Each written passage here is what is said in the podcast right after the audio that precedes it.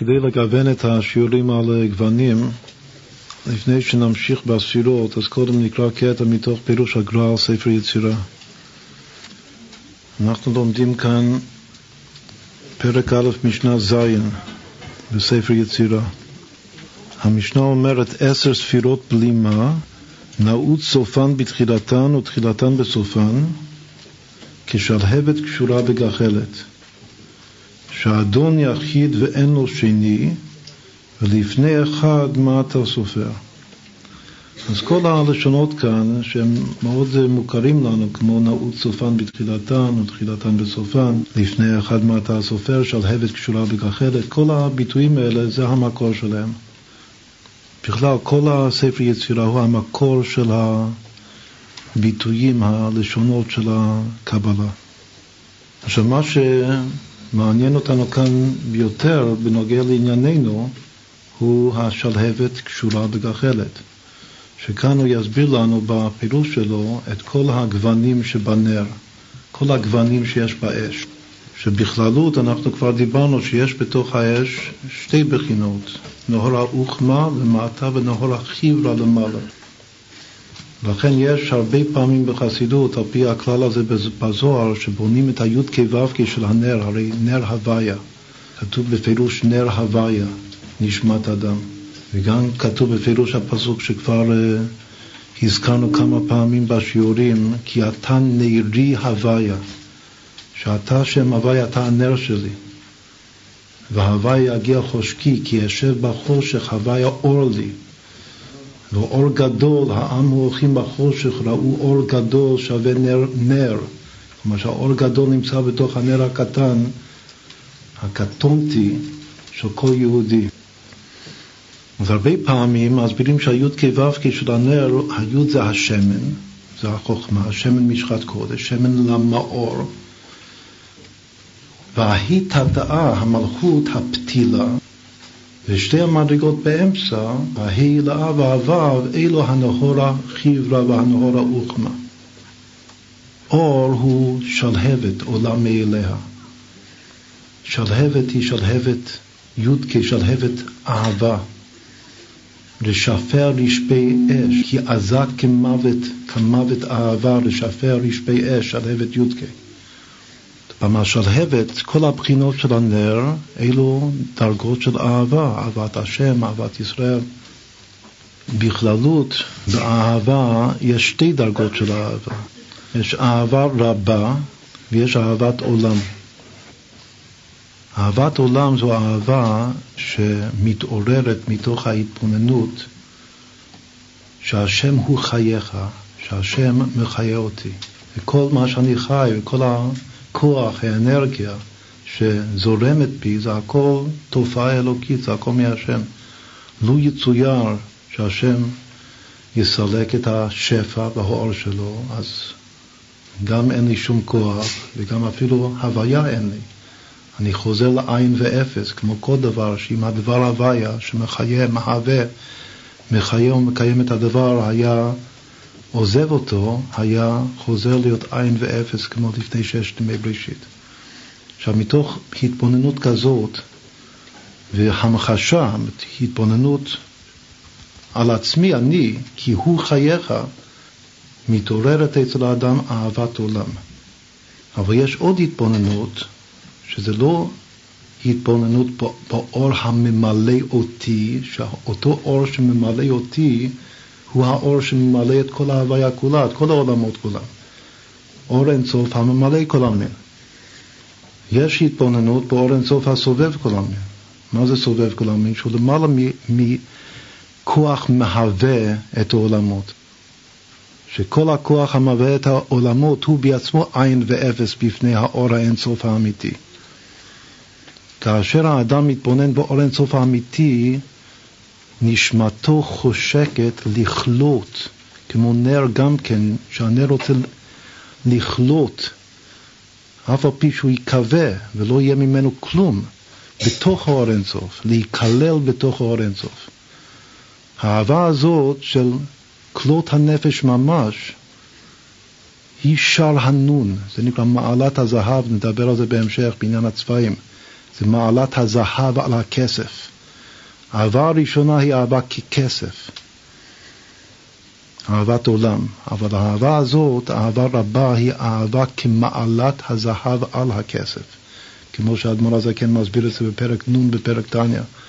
יש כאן גם כן רמז ברור, הוא קורא לזה שער הנ', זה כתוב גם בפרק נ'.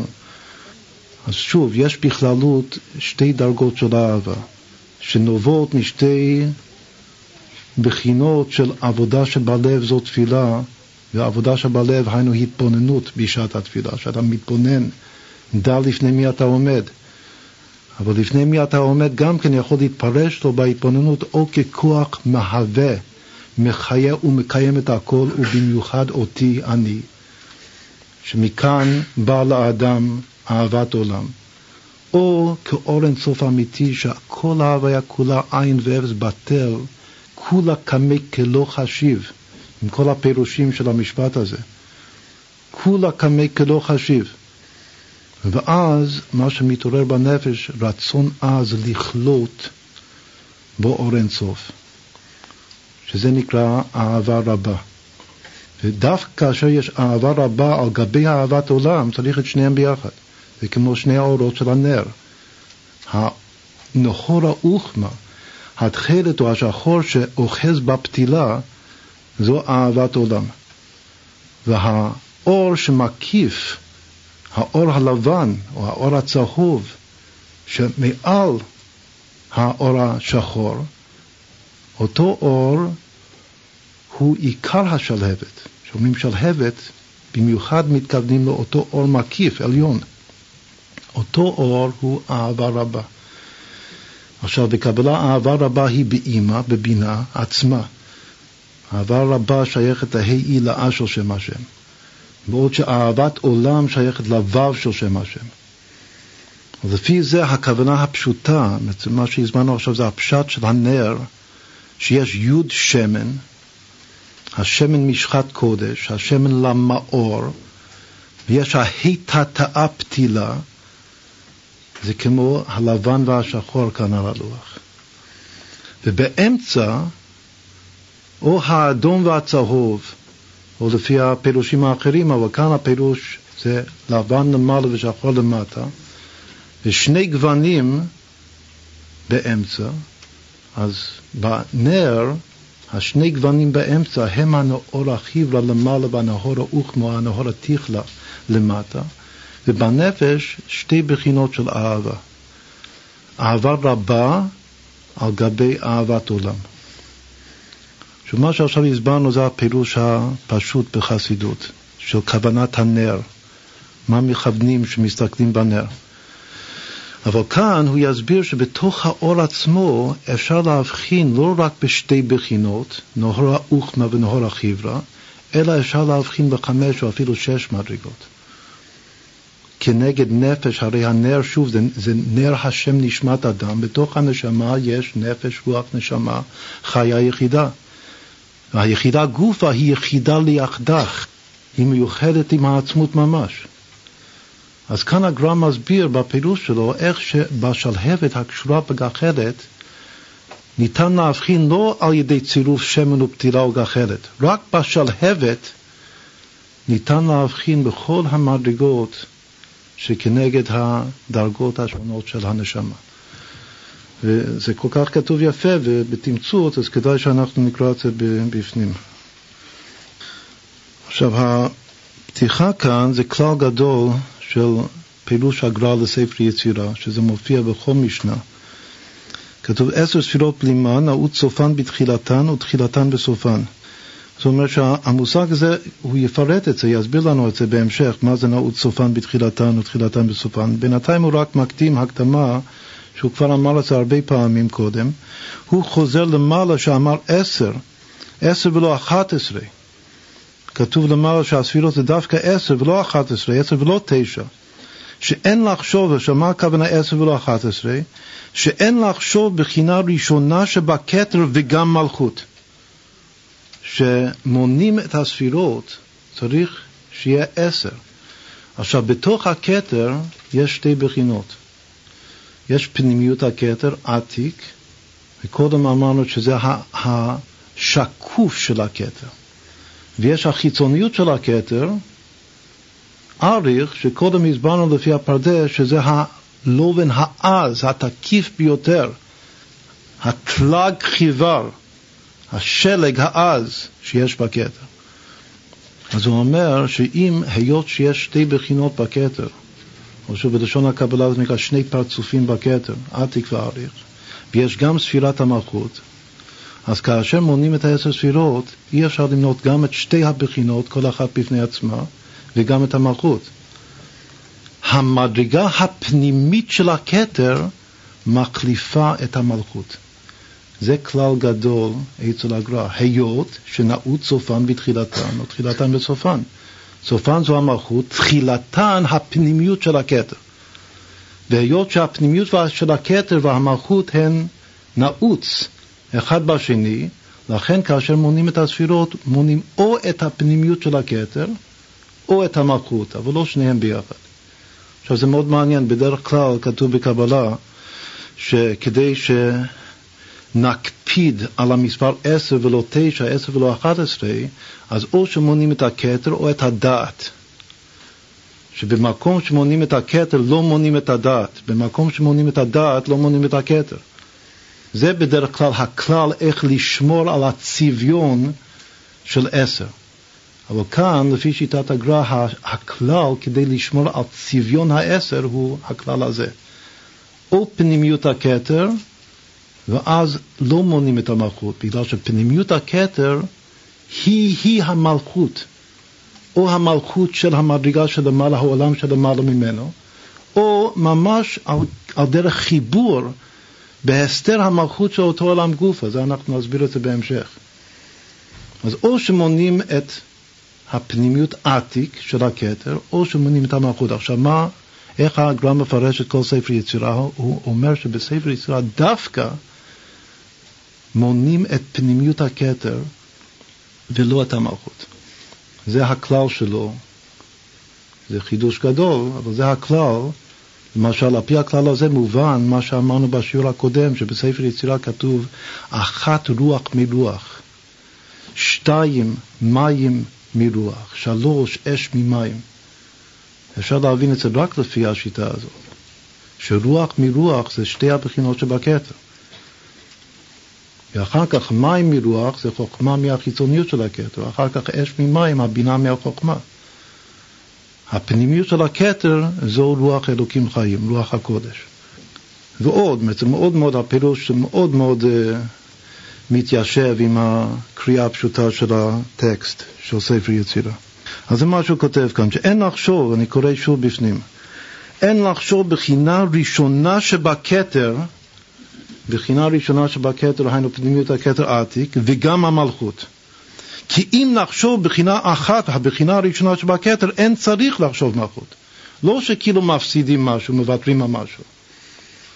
כלומר שאם אתה מחשיב, מונה את הפנימיות של הכתר, אין צורך במניין המלכות. למה? כי נעוץ סופן בתחילתן.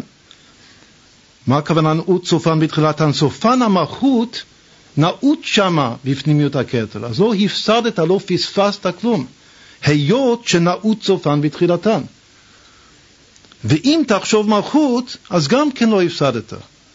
אז אם אתה מונה מלכות ולא מונה עתיק, פנימיות הכתר, הרי נעוץ תחילתן וסופן, התחילה עתיק נמצא שם בתוך המלכות. אז או שתמנה ככה, או שתמנה ככה. כך הוא מסביר את הפשט. עשר ספירות בלימה, נעוץ סופן בתחילתן ותחילתן בסופן. זו הקדמה כללית, זה עוד לא נוגע לצבעים. עכשיו מגיעים ל... לעיקר, מה שנוגע לנו, הגוונים. כשלהבת, זאת אומרת, הסוד הזה של נעוץ סופן בתחילתן או תחילתן בסופן הוא כשלהבת קשורה בגחלת, שבהם יתראה האח נעוץ סופן בתחילתן. אם אנחנו נתבונן במשל הזה, של שלהבת קשורה בגחלת, נוכל להבין, זאת אומרת, יש לנו כאן משל מוחשי, להבין את הסוד הזה של נעוץ סופן בתחילתן ותחילתן בסופן. כלומר, איך שהמלכות הסוף נעוץ בפנימיות הכתר, התחילה, ואיך שפנימיות הכתר, התחילה, נעוצה במלכות הסוף. וכל דבר כאן זו מדרגה בפני עצמה. כלומר שיש פה שני סודות.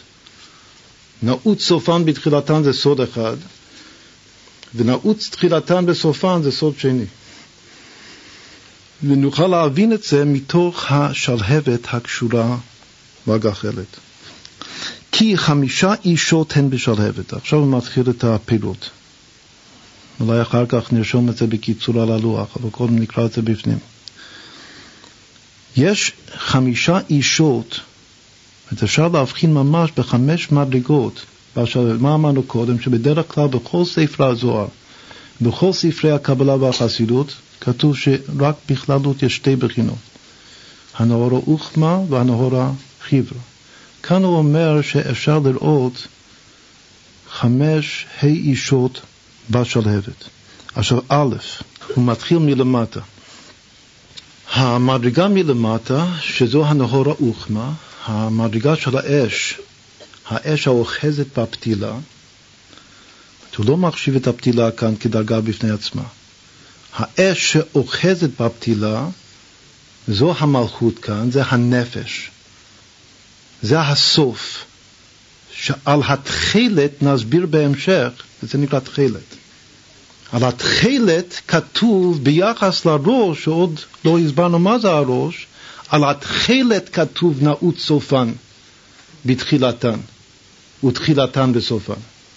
אז שוב, זה, כאן הוא, הוא ודאי מצא הגר"א, הוא גם גדול גם בנסתר וגם בנגלה. אז אם הוא אומר שזו התכלת, אז הוא גם כן ודאי מתכוון שלפי דת הגר"א, הצבע הזה זה צבע התכלת של הציצית. הוא אומר חמישה אישות הן בשלהבת. א', גוון תכלת שסביב הפתילה. מה שסביב, מה שאוחז בפתילה ממש, היינו גוון התכלת. נגד מלכות, הוא אומר שהמדרגה הזאת של התכלת היא המלכות, היא נגד המלכות, זה נקרא נפש. בחמש מדרגות של הנשמה, הנפש, רוח, נשמה, חיה יחידה, המלכות היא הנפש. בחינת דוד, דוד המלך. ודוד המלך כאן הוא התכלת שאוחז בפתילה. והוא חשמל מתוך האש. זה מה, כתוב, מה שכתוב בתחילת ספר יחזקאל, שמתוך האש, האש, הוא יסביר תכף, המדרגה השנייה, מה שקראנו קודם, נהור החיברה. אבל בתחילת ספר יחזקאל, במעשה מרכבה, כתוב שהשם ראה חשמל מתוך האש. אז איך מסביר הגר"א? הוא מסביר שהאש, הנהור החיברה, והחשמל, התכלת. אז הנה אמרנו שהיום, לכן גם יצא בהשגחה פרטית שלומדים את הערב, הערב זאת חנוכה, מבין כל השמות של אור הוא היום של חשמל, זה נקרא יום החשמל, יום האחרון, זאת חנוכה. אז החשמל הוא-הוא התכלת. אין, מה זה אין החשמל? צבע החשמל. אז צבע החשמל זה צבע התכלת, ככה כותב הגר"א. אז אם כן, מי שיש לו בציצית, תכלת בציצית, יש לו חשמל בציצית. נקרא ציצית חשמליות יש לו. אז הוא אומר שזה מה שנאמר בתחילת המרכבה, חשמל מתוך האש. התכלת, מה שאוחז בפתילה. השני, גוון חיוור. אז בפירוש כאן הוא מרמז לביטוי הרווח בכל ספר הזוהר, נהור החיברה. הראשון זה הנהור התיכלה, אמרנו שבזוהר מה שאוחז בפתילה או שזה נהור האוכמה, או שזה אור שחור, או שזה נהור התיכלה, אור תכלת. אז הוא נוקט בפשטות שזה תכלת. הוא לא קורא לזה שחור, הוא קורא לזה תכלת. אבל השני שמעל גביו הוא קורא כמו הלשון הרווח בקבלה, האור החיוור. גוון חיוור שסביב לה. עכשיו זה נגד וק. וק זה הרוח, הוו של שם השם. וק זה וו קצוות, מחסד עד יסוד. אז זה בחינת רוח, המדרגה השנייה מלמטה. והוא נקרא אש. מה הכוונה הוא הנקרא? איפה הוא נקרא אש? באותו פסוק. באותו פסוק שהוא אמר קודם, חשמל מתוך האש, האש זה האבק, הנהור החיברה. עכשיו, עד כאן אנחנו רואים, מה יכול להיות עוד שלוש מדרגות למעלה מזה? והגימל כמו נוגה סביב האש. יש חשמל מתוך האש ויש נוגה סביב לו, האש. שוב, הכל זה לשונות מתוך תחילת מעשי מרכבה של יחזקאל. זה ציטוטים. יש נוגה סביב לאש, ויש חשמל בתוך האש. אז הוא אומר שאם מתבוננים, וזה גם כן מוחשי, שאם מתבוננים בנר, אז יש הילה. יש הילה למעלה מהשלהבת. למעלה מהנהור החיברה יש מסביב הילה. עכשיו, ההילה, הוא אומר, זה מה שנקרא בפסוק נוגה סביב לה, שזו המדרגה השלישית. שאינו נראה אלא בסתימו דעיינים. כותב שאפשר לראות את זה טוב אם סוגרים את העיניים. כשמתחילים לסגור את העיניים, אז כאשר סוגרים את העיניים, שכמעט שלא רואים כלום, אז רואים טוב את ההילה על גבי הנאור החיבה. כלומר שזה אור, אבל הגילוי של האור הזה הוא בדרך איתקסיה. זה כנגד בינה, אימא. ההילה הזאת מסביב, הנוגה סביב, זו בחינת אימא. נגד בינה. דלא קיימה להסתכלה. את הבינה זה חלק מהנסתרות השם אלוקינו. זה לא עומד, זה לא עשוי להסתכל בזה. אבל מה אם רוצים בכל זאת לראות את זה, זאת אומרת, אמור, הוא גם כן מסביר כאן למה בדרך כלל אפילו בקבלה לא מזכירים את זה. בגלל שזה אור כזה שהוא לא עשוי להסתכל בו. ולכן אפשר לראות אותו רק בסתימו דעיינים. וזה בינה, דלא קיימה להסתכל עליו, והוא הנקרא נוגה סביב. שוב, איפה הוא נקרא נוגה סביב? באותו פסוק, בתחילת יחזקאל. עכשיו, המדרגה הרביעית, אולי קודם נעשה פה הפסק קטן, זאת אומרת, אלו הגימל הם ממש בתוך הנר שאתה מסתכל עליו. המדרגה הרביעית, שתכף נסביר אותו, זה, הוא קורא לזה זוהר, מה שמתפשט בחלל. זה שהנר מאיר את החדר או מאיר את החלל, זה זוהר. אז בשביל לראות את הזוהר, אני לא חייב להתבונן בנר. שהנר זה המקור. אני יכול לראות את הזוהר בלי לראות את הנר.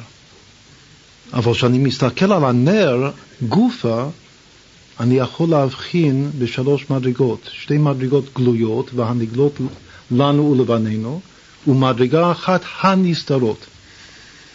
אם כי שבדרך כלל מפרשים הנסתרות על י' וכ' שניהם, אבל לפי הרמז של והנגלות ו' כנגלות, במילה הנסתרות יש רק ה', ה' הילאה, ה' נסתרות.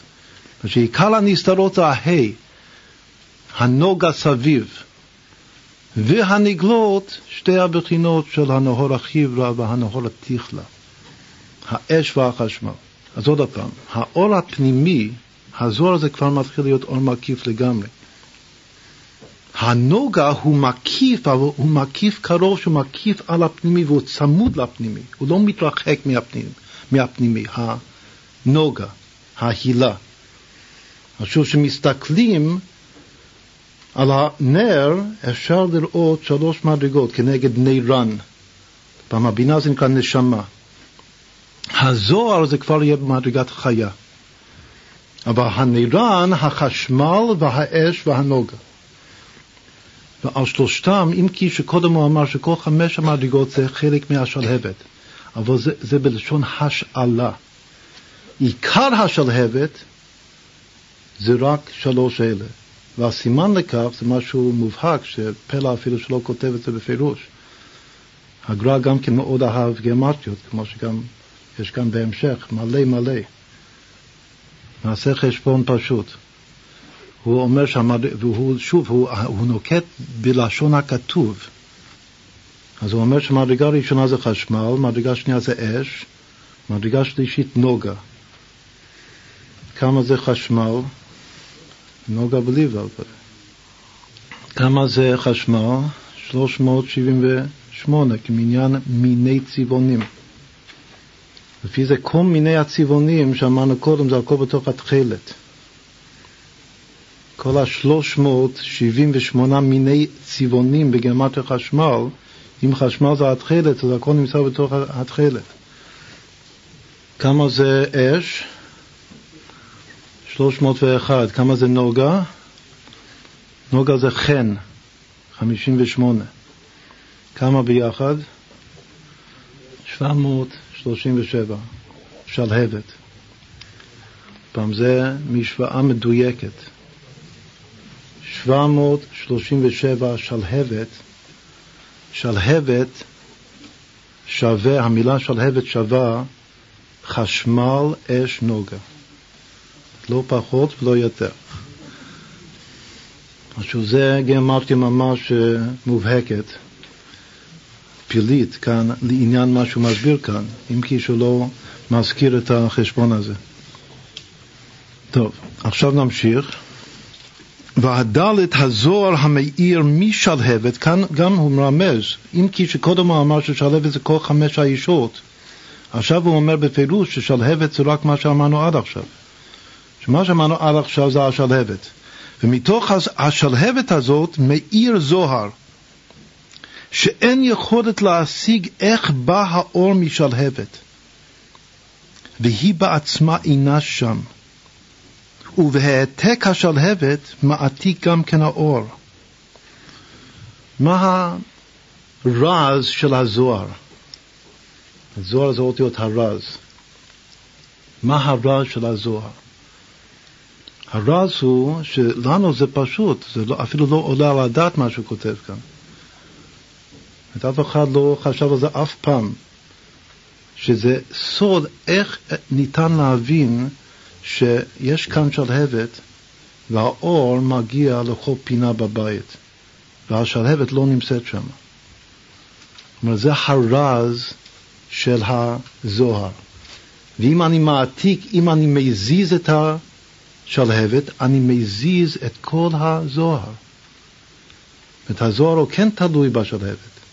אם לוקחים את הנר מכאן לכאן, זה גם שייך למצוות חנוכה לגבי הנחת המנורה.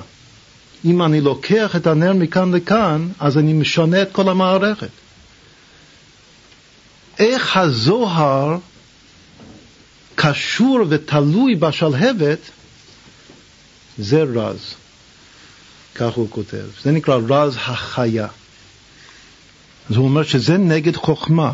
מה זה, בא, שוב, בנפש החוכמה זו החיה של הנשמה. והוא נקרא זוהר. אז באמת זה כבר צריך להיות מקום אחר, לא בספר יחזקאל. מקום אחר זה אולי בספר דניאל, והמשכילים יזהירו כזוהר הרקיע, ועוד הרבה פסוקים של זוהר. זאת אומרת שהדבר הזה, זה נקרא זוהר, זוהר הרקיע. האור שיוצא ממלא את החלל. אז עוד פעם, מבחינה אחת, האור הזה יותר מוחשי מאשר העילה, במידה מסוימת. כדי לראות את הזוהר לא צריך סתימו דעיינים, אבל הרע שבו, התלות, הקשר בינו לבין השלהבת. הקשר של העילה לשלהבת יותר מפורשת מאשר הקשר בין הזוהר לבין השלהבת. זו המדרגה הרביעית. שמה המדרגה החמישית? וההי האח נאחזין בגלגל האש, והוא גוון שחור, ועליו נאמר ישת חושך סיטו. הוא אומר שהאור, האש, הוא קורא לכולם אישות, האש החמישית שבנר זה איך שהנר, האור של הנר, למעלה למעלה הוא חוצה חוצה בסוף ההתפשטות. הוא נאחז באש היסודי. עכשיו, לא שהמדרגה החמישית היא-היא האש היסודי, רק איך שהוא נאחז באש היסודי, כמו יחידה ליחדך. והצבע של האור, כאשר הוא נאחז כמו הנשמה שנכללת בתוך השורש של כל נשמות עם ישראל, אבל זה עדיין הנשמה הפרטית שלי, אבל איך שהנשמה שלי נאחזת בכלל, זה נקרא היחידה. שלי. עוד פעם, המדרגה החמישית, שזה חושך ולא אור, ישת חושך סטרו, זה איך שהנר נאחז ביסוד האש. זה לא יסוד האש, זו האחיזה של הנר ביסוד האש. על דרך הסוד בחסידות, יחידה ליחדך. ושוב, הצבע שלו הוא שחור. אז מה יש לנו?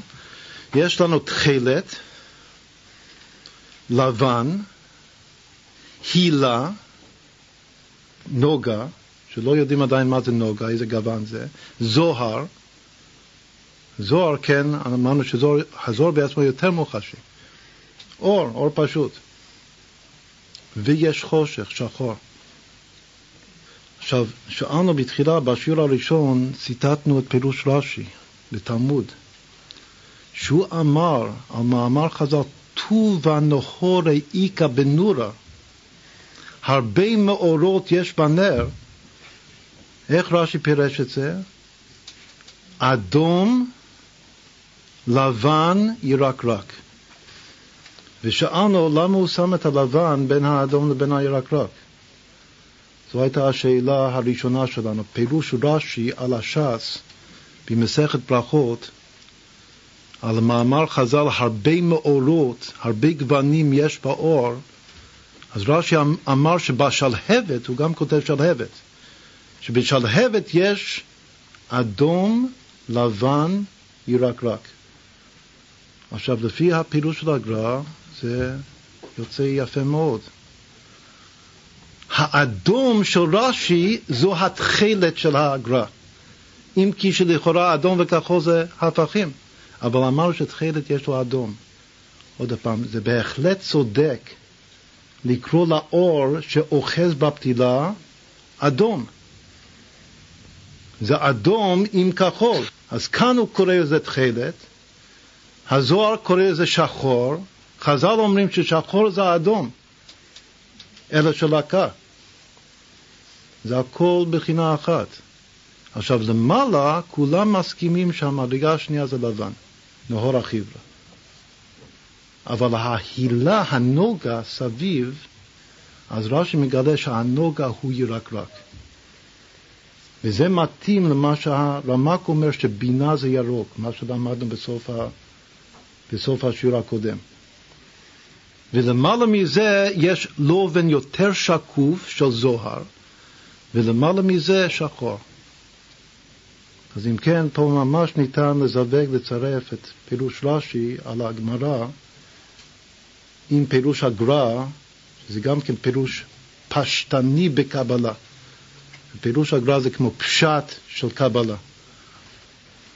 ומה שמעניין, שלפי הפשט של, של רש"י, רש"י זה פשוטו, גם של מקרא וגם פשוטו של גמרא. אז לפי הפשט של רש"י, שהוא מסתכל בנר, הצבע הראשון שהוא רואה באש זה האדום. שהגרש המקובל, עוד פעם, הפשטן, מי שלומד גמרא, שהוא מסתכל בנר, אז הצבע הראשון שהוא מבחין זה האדום. וכשהמקובל מסתכל בנר, אז גם המקובל הפשטן, אז הדבר הראשון שהוא רואה בתוך הנר, הוא רואה תכלת. אז זה פלא. ושניהם רואים בדיוק אותו הדבר. זה ממש מחזק את שוב התיאוריה הכי חדישה בצבע, שצבע זה משהו מאוד מאוד גמיש. עוד פעם, ממש רואים אותו הדבר. וזה רואה שהנר הזה, זאת אומרת, הנר הזה הוא רזי, הוא רז, הנר. אז אחד מסתכל והוא רואה שם שמה שהאחוז למטה בפתילה זה אדום, וזה רואה שמה שהאחוז למטה זה תכלת. שניהם מסכימים שמה שמעליו הוא לבן. ורש"י מוסיף שמה שמעליו, מעליו, למעלה מהלבן הוא ירקרק. וזה הסוד של פירוש רש"י. את הנוגה הוא ירקרק. צבע הבינה. זה שהאש הוא לבן, אש לבנה, זה חסד, היות שהחסד הוא יומא דאזיל עם כולו יומים. קודם הסברנו שבדרך כלל בדרושי החסידות הנהור החיברה היא אהבה רבה מצד הבינה. אבל לפי כאן הפעילות של הגר"א, הנהור החיברה זה רק הרוח, זה האבק, שזה עדיין אהבת עולם. עוד פעם. אם נסביר י' כו' כשהי' זה שמן, ונהור החיברה זה, זה ההילה, זה הבינה, ואחר כך נהור האוחמה, הווה והפתילה היתתה, אז הלבן הזה זה מהנסתרות, זה אהבה רבה. כלות הנפש, שר הנון של בינה. אבל כאן לפי פירוש הגר"א זה לא ככה, בגלל שאצלו הנהור התיכלה היא המלכות. הנפש והנאור החיברה, אבק, הרוח. והרוח זה אהבת עולם, לא אהבה רבה. ההילה זה כבר אהבה רבה. ההילה שרק אפשר לראות הנוגה בסתימו דעיינין, זו אהבה רבה בשביל פירוש הגר"א. אז עוד פעם, כולם מסכימים שהשני הוא נהור החיברה. לפי פירוש הגר"א, הלבן כאן זה הלבן של חסד, של ספירת החסד. הלבן של כסף. שהוא היום עד האזיל עם כולו יומין.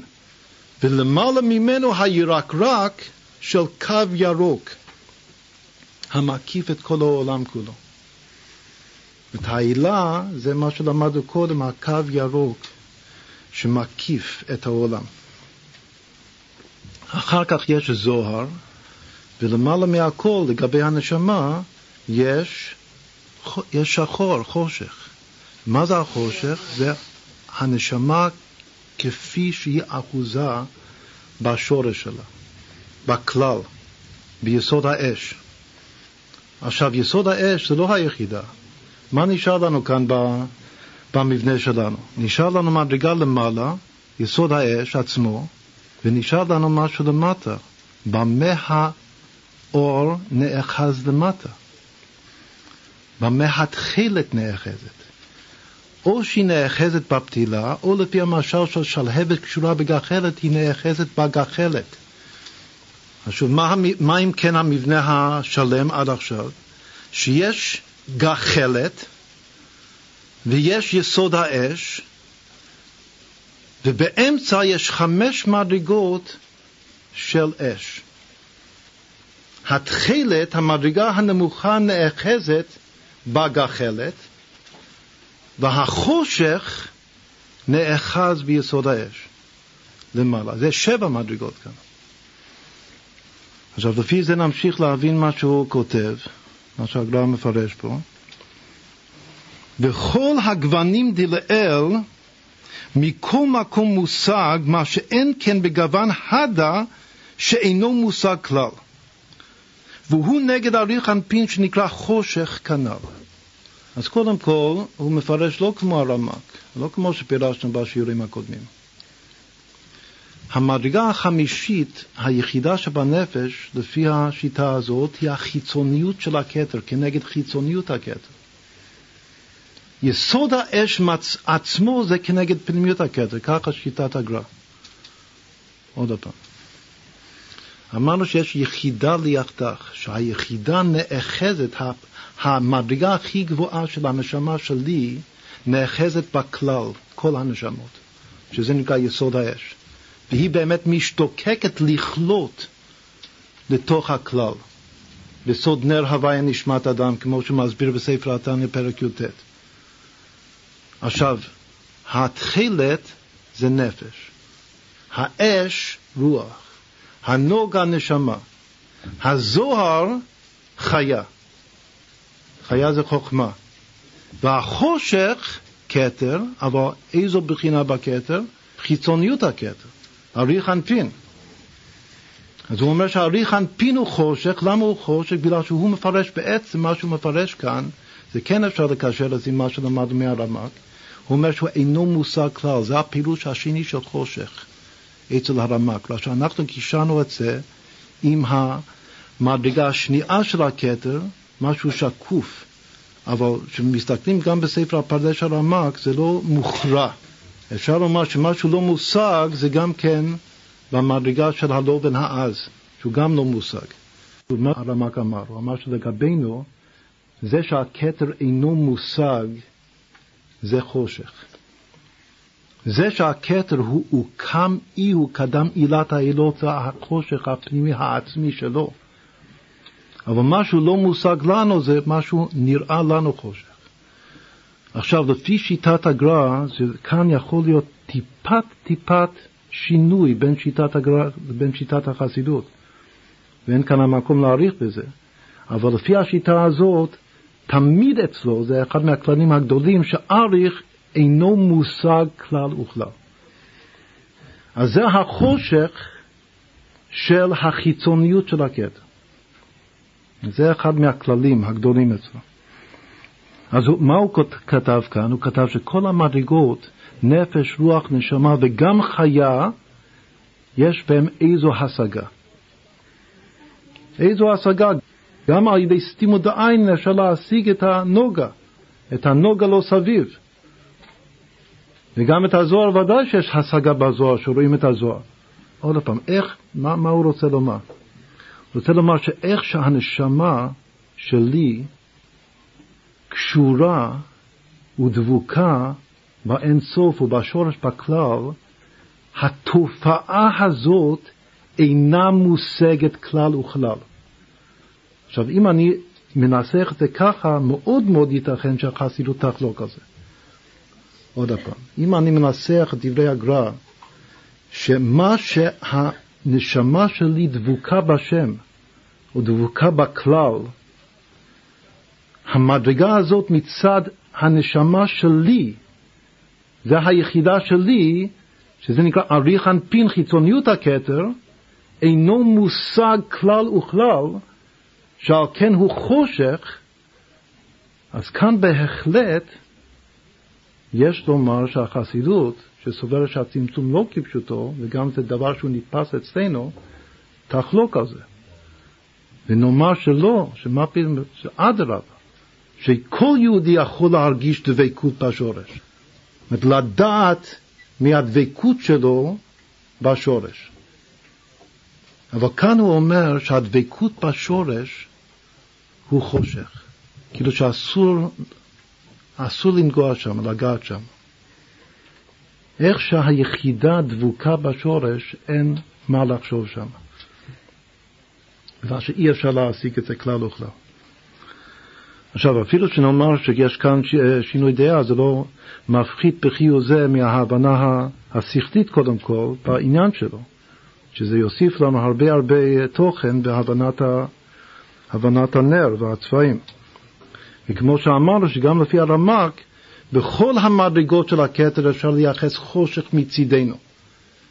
מה שבשיעורים הקודמים הסברתי שהחושך מצידנו זה דווקא לגבי פנימיות הכתר, וגם כן זה נובע מתוך ההשקפה החסידית שבלובן, גם הלובן הכי עז שהרצון של הכתר לעבוד, אז כן יכול להיות תפיסה. רק מה שיש לזה צל. אמרנו שלגבי המדרגה הנמוכה של הכתר יש על זה צל, לפי שיטת הרמק. אבל כאן הוא אומר שהוא מצד עצמו חושך. אז גם יש עוד דרך להסביר את הגר"א. אפשר להסביר שהגר"א כולו סובר כאן כשיטת מלמטה למעלה. מה שהוא מתכוון כאן, היחידה שבנפש, זה על דרך הנוקבה של הכתר. שהרמק הסביר שהוא גם כן מדרגה של שחור. רק שאנחנו הסברנו שהוא בסוד הצל ביחס ללבן העז של הרצון שבחיצוניות הקטע. עכשיו, אלו, זה דיוקים עכשיו, מה שדייקנו. וכמו שאמרנו, זה לא מפחית, זאת אומרת, זה חשוב להתבונן, כשמתבוננים בקבלה צריך להתבונן ולהבין את השיטות. אבל זה לא מפחית בחיוב זה מה, ממה שנלמד מתוך המבנה כאן של, ה, של הגר"א. אז שוב, אז מה הוא כותב? הוא אומר שבכל הגוונים, עד לחושך, ולא עד בכלל, אפשר להשיג אותם. אבל בחושך אי אפשר להשיג. והוא נגד אריך אנפין שנקרא חושך, כנ"ל. עכשיו הוא ממשיך ואומר, והאש היסודי בעצמו הוא שורש של כל הגוונים הנ"ל. אז כאן זה בפירוש, האש היסודי זה לא אחד מהם, זה גם לא החושך. האש היסודי זה משל לכלל, או לאינסוף, לשורש של כולנו, של כל הנשמות, כל הנרות. זה כמו עכשיו בזאת חנוכה, אחרי שגמרנו להדליק את כל המנורה, כל הנרות, הכל חוזר לשורש. הכל עולה ונכלל בתוך השורש, באש היסודי. והאש היסודי זה לא אחד מהם. כך הוא אומר. הוא שורש של כל הגוונים הנ"ל, וכולם קשורים בו, והוא נגד עתיק הסתימה, עתיק יומין. אז הוא אומר שהאש היסודי בעצמו זה לא אריך אנפין, שהוא היחידה החושך, האש היסודי הוא עתיק יומין, הפנימיות של הקטע. עכשיו, מה הוא אמר קודם? הוא אמר שאם מונים את פנימיות הכתר, אין צורך למנות את המלכות. ואם מונים את המלכות, אין צורך למנות את פנימיות הכתר. שזה הסוד שנעוץ סופן בתחילתן ותחילתן בסופן. אז איך זה עכשיו נעשה מוחשי בנר? שהתכלת הוא במקום פנימיות האש היסודי. התכלת הוא אחוז במדרגה שזה גם למעלה מחושך. זאת עד כאן, אפילו שלמד ברמק, לא היה שום דבר למעלה משחור. רק האין סוף ממש. את המדרגה הכי גבוהה של הכתר זה היה שחור. את פנימיות פנימיות הכתר. עכשיו הוא אומר שיש משהו למעלה משחור. למעלה משחור זה עוד הפעם תכלת, זה שורש התכלת. ואם אתה מונה את האש היסודי, אתה לא מונה את התכלת למטה. ואם אתה מונה את התכלת למטה, אתה לא מונה את האש היסודי. אז גם יש לנו הסבר מאוד יפה לאלו שלא צריכים תכלת בציצית, בגלל שאם אתה באש היסודי, אז לא צריך תכלת. הוא נמצא שם, הוא נמצא באש היסודי. ואם אתה רוצה שהאש היסודי באמת ירד למטה, אז אתה כן צריך תכלת. היות לפי, על פי החסידות, העיקר זה להמשיך דברים למטה, לא לעלות למעלה. אז באמת החסידות כן מעוניינת בתכלת ממש. אבל מי שהוא שם למעלה באש היסודי, אז לפי פירוש הגר"א הוא לא צריך תכלת. להפך, זה גריות, אסור לו למנות את התכלת, בגלל שנעוץ סופן בתחילתן. אז הנה יש הוכחה מהגר"א לא ללכת עם תכלת. גאון מווילנה. עכשיו, אז, אז מה הוא אומר? הוא אומר, אני קורא עוד הפעם, והאש היסודי בעצמו הוא שורש של כל הגוונים הנ"ל, כלומר שהוא שורש גם של השחור, שגם השחור זה גוון, וגם הזוהר זה לבן, וגם הנוגה זה לבן, וגם האש זה גוון, וגם התכלת. השורש של כולם זה האש היסודי, אבל אם רוצים לקשור אותו לאחד מהם, אז הוא הכי דומה לתכלת, יותר מהשחור. רק שכאן השחור נאחז בתכלת, מלמטה למעלה. והוא נגד עתיק הסתימה, עתיק יומין. ובגחלת עצמו, עכשיו, עכשיו הוא יורד בינתיים, יורדים עכשיו לגחלת. את התכלת למטה נאחזת בגחלת. ובגחלת עצמו יש בו בחינת אש יסודי, שבלאו הכי לא היה האש נאחז בו. ובו התקשרות גוון תכלת. ובו, הכוונה עכשיו לא בגחלת, בגוון תכלת נאחז האש היסודי. צריך לקרוא את זה נכון, תכף תראה שזו הפירוש. ועל ידו באים כל הגוונים, על ידי התכלת יורדים כל הגוונים. וזה שכתוב תחילתן בסופן, שתחילתן זה האש היסודי, בתכלת, שנאחז בגחלת שיש שם ניצוצות של האש היסודי. עוד פעם, זה לא כל כך קל להבין. לכן אפילו התלמידים חכמים, תלמידי חכמים הגדולים שלנו גם כן בקריאה ראשונה טועים בפשט של הגר"א. הפשט של הגר"א זה ככה, שבתוך הגחלת יש ניצוצות, זה תכף נראה בהמשך. יש ניצוצות של האש היסודי. אחרת האש לא היה רוצה להיאחז בתכלת. מה שהאש נאחזת בתכלת זה נקרא עבודת הבירורים. זה לברר את הניצוצות של האש היסודי שנמצא בתוך הגחלת. אבל האש היסודי ממש נאחז או נעוץ בתכלת. בגלל שהתכלת זה נקרא סופן, זה כנגד המלכות, כמו שהסביר קודם. והאש היסודי הוא פנימיות הכתר, עתיק. ופנימיות הכתר עתיק הוא נעוץ בתכלת, ולכן על ידי התכלת כל שאר הגוונים נמשכים. בזכות התכלת כל הגוונים, דהיינו גם התכלת וגם אחריו הנהור החיברה, הלבן ואחריו ההילה, הנוגה הירקרק, ואחריו הזוהר, ואחריו השחור. אפילו השחור נמשך על ידי התכלת. התכלת מושכת מתוך האש היסודי את כל הגוונים להתגלות, כדי להיאחז בגחלת. למה? וכל כך למה? למה הוא כל כך פועל פעולה עצומה כזאת על מנת להיאחז בגחלת? בגלל שיש גם כן ניצוצות של האש היסודי בתוך הגחלת, שהוא צריך לברר אותם, לגאול אותם, לפדות אותם. אבל הנעוץ סופן בתחילתן, ותחילתן וסופן זה מה שהאש היסודי נעוץ בצב בחשמל. פעם, האש היסודי ממש, הכלל, כלל כל הנשמות נעוץ בחשמל של כל נשמה פרטית.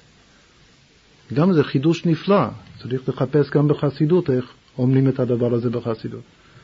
שדווקא בנפש, בבחינת דוד, ובדרך כלל היחידה זה משיח והנפש דוד. אבל אפילו המשיח בעצמו משיח בן דוד, הוא נמשך מדוד, דוד מושך אותו. כתוב בגמרא שהשם שלו גם יהיה דוד, הדוד האחרון. יש משהו בדוד המלך שאפילו משיח נמשך על ידו. פעם דוד הוא הנפש, הוא החשמל כאן, הוא התכלת. ודוד הוא לא רק נאחז במשיח, שזה היחידה, הוא נאחז באש היסודי, שזה העצמות של השם כביכול, או העצמות של כלל כל הנשמות. זה מה שהגרם מחדש, הכל נמשך על ידי דוד. ודוד נאחז בגחלת. הוא יורד לעולמות התחתונים כדי לברר את הניצוצות הקדושים שבגחלת. לכן הוא משתוקק לרדת להיאחז בגחלת. אבל הכל תלוי בו בתכלת. זה התכליס. עוד פעם נקרא את זה. שוב, בקריאה הראשונה טועים כאן בהבנת הפשט. אז צריך אה, לקרוא את זה טוב. אני קורא עוד פעם, והאש היסודי בעצמו הוא שורש של כל הגוונים הנ"ל וכולם קשורים בו והוא נגד עתיק הסתימה, עתיק יומין, ובגחלת עצמו, עכשיו הוא מחדש לי, בגחלת עצמו יש בו בחינת, בחינת זה ניצוצות, תכף נסביר. בגחלת עצמו יש לו בחינת אש יסודי, שבלאו הכי, ללא הבחינת אש יסודי, שבגחלת לא היה האש נאחז בו. עכשיו, מי באמת קשור בו, בגחלת? מי נשלח אליו? מי בעל השליחות שהולך שם להיאחז, לעשות את העבודה עם הגחלת? ובו התקשרות גוון תכלת. התכלת הוא השליח. התכלת יורד להיאחז בגחלת. ובו, עכשיו מה הכוונה ובו? ובו בתכלת, לא בגחלת. ובו בתכלת נאחז האש היסודי. ועל ידו, על ידי התכלת, באים כל הגוונים, הוא שהוא יוצא מהאש היסודי. הוא יוצא ומושך איתו את כל שאר הגוונים שלמעלה ממנו, לכאורה. אבל הוא זה כוחו למשוך אותם, להוציא אותם מהאש היסודי, היות שהוא, הוא, דוד כאן משתוקק להיאחז בגחלת. בגלל שיש שם ניצוצות של האש היסודי שלו, שהוא צריך לפדות אותם, לגאול אותם בגחלת. אז מצד אחד הוא משתוקק לגחלת, מצד שני, כמו שכתוב בתניא, בפרק י"ט, הוא גם, תוך כדי שהוא נאחז בגחלת, הוא גם משתוקק באש היסודי. הוא גם נעוץ שם למעלה, בתחילתן. וזה שכתוב תחילתן בסופן, מה זה תחילתן בסופן? האש היסודי נעוץ בסופן בתכלת. עכשיו הוא אומר גם את הכיוון ההפוך, אמרנו שיש פה שני סודות. יש סוד שנעוץ תחילתן בסופן, איך, מתי זה מתגלה נעוץ תחילתן בסופן? שהתכלת יוצאת מהאש היסודי על מנת להיאחז בגחלת ומושכת אחריה את כל שאר המדרגות. על זה כתוב נעוץ תחילתן בסופן. שהתחילה, האש היסודי, נעוץ בסוף בתכלת, לכן היא הכוח להגיע, לצאת החוצה, עד יפוצו מעיינותיך החוצה. זה בשביל הגר"א, יפוצו מעיינותיך החוצה, שזה כעתי מר, שהכי חוצה זה להגיע לגחלת, עם הניצוצות של האש היסודי שם. עכשיו הוא אומר את הכיוון ההפוך. וכן גוון התכלת, שבו האש היסודי נאחז בגלגל האש. הוא אומר יותר מכולם, אפילו יותר מהשחור. השחור לכאורה זה יחידה, יחידה ליחדך. הוא אומר שיש משהו בתכלת, שזה הסוף, שהוא יותר נעוץ, איך, שוב, איך מסבירים את זה באותיות של קבלה וחסידות? שורש המלכות ברדלה. יותר מאריך אנפין. שורש המלכות זה נעוץ בדרגה הכי גבוהה של הקטע. הרבה הרבה יותר גבוה ממה שהוא קרא חושך. חושך זה אריך אנפין, ואפילו שהוא נעוץ, נעוץ בזת דעתיק. אבל התכלת נעוצה בגר דעתיק. עוד פעם, החושך נעוץ או קשור לפי הקבלה, כתבי אריזה והזוהר, רק למה שמתלבש, מה שעתיק מתלבש באריך. החלק שעתיק מתלבש באריך, אז באמת אריך אחוז בו, קשור בו.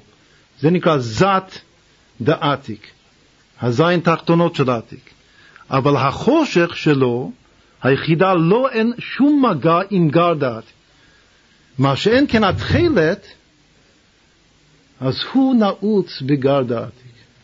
יותר גבוה מהשחור, מהיחידה. שוב, מה הוא כותב? וכן גוון התכלת שבו האש היסודי נאחז בגלגל האש, ועל ידו כולה נאחזין. הוא אומר שגם כן מה. מה שאריך נאחז בזת דעתיק זה מפני שהמלכות, התכלת, נאחזת בגר דעתיק. אז גם מה שכולם קשורים לשורש זה גם על ידי התכלת. אז מה הוא אמר שני דברים? מה שהכל נאחז בגחלת זה בזכות התכלת. מה שהכל נאחז באש היסודי זה גם בזכות התכלת. מה שהכל נאחז בגחלת זה סוד נעוץ תחילתן וסופן. מה שהאש היסודי נאחז, לפי המילים שלנו, המונחים שלנו, בגרד העתיק, זה נקרא נעוץ סופן בתחילתן.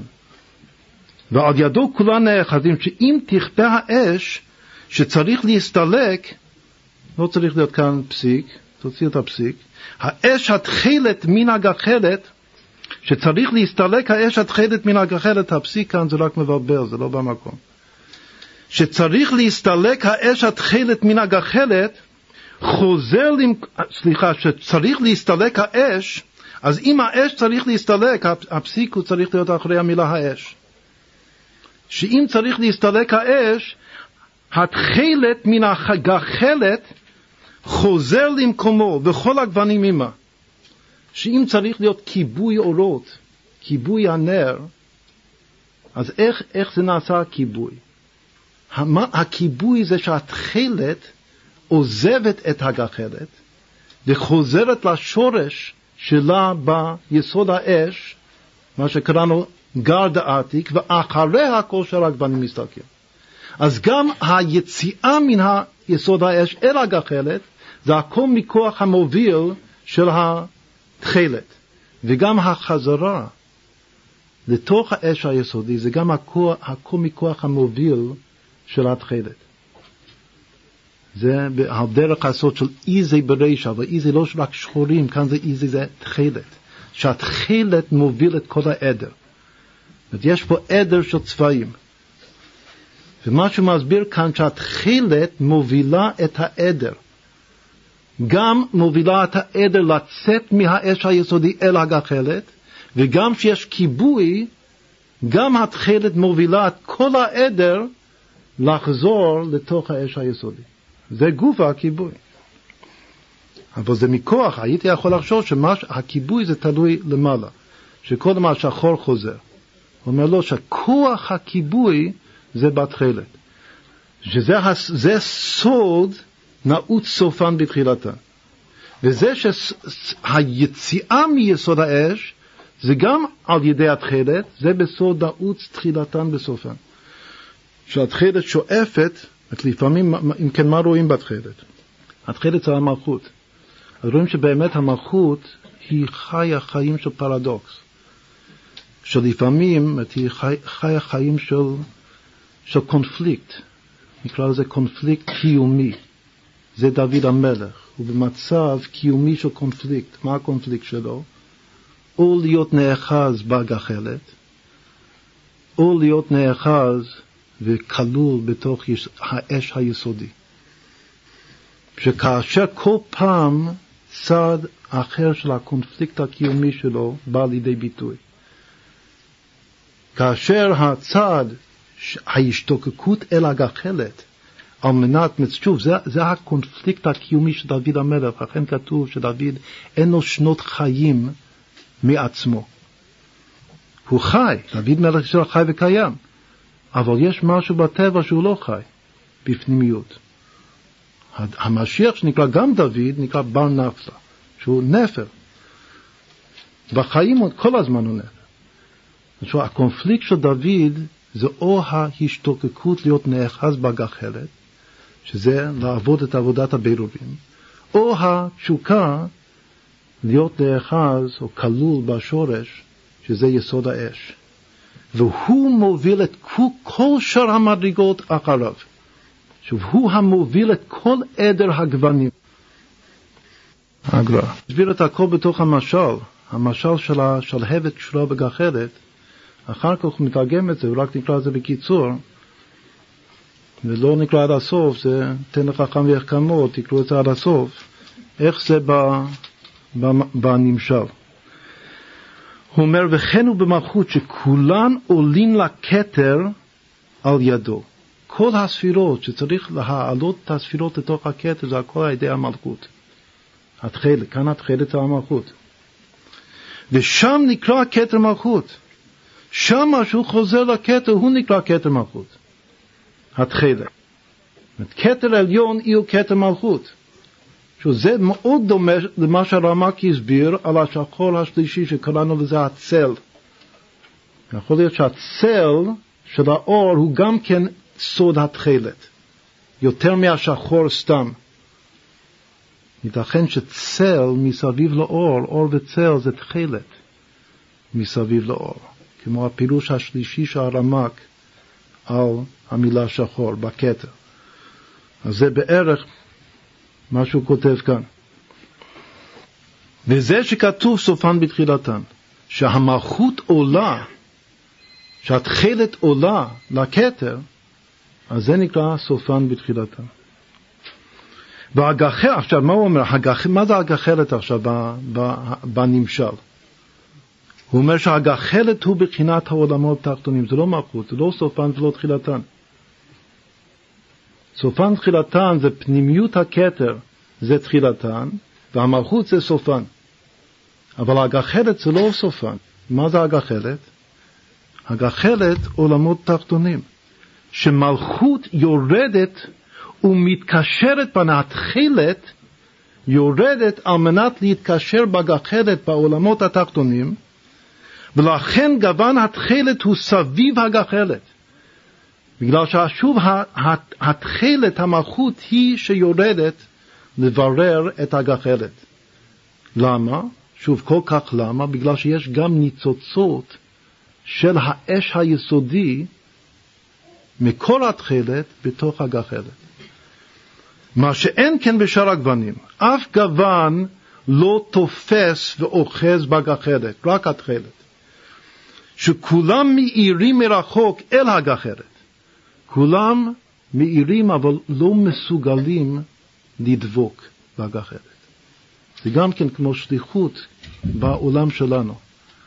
יש כל מיני דרגות רוחניות, כמו כל מיני צדיקים נקרא להם, שכל הצדיקים מוכנים ומזומנים להאיר פנים אל המציאות, לברך את המציאות, לאחל למציאות כל טוב סלע, שתהיה בריא המציאות.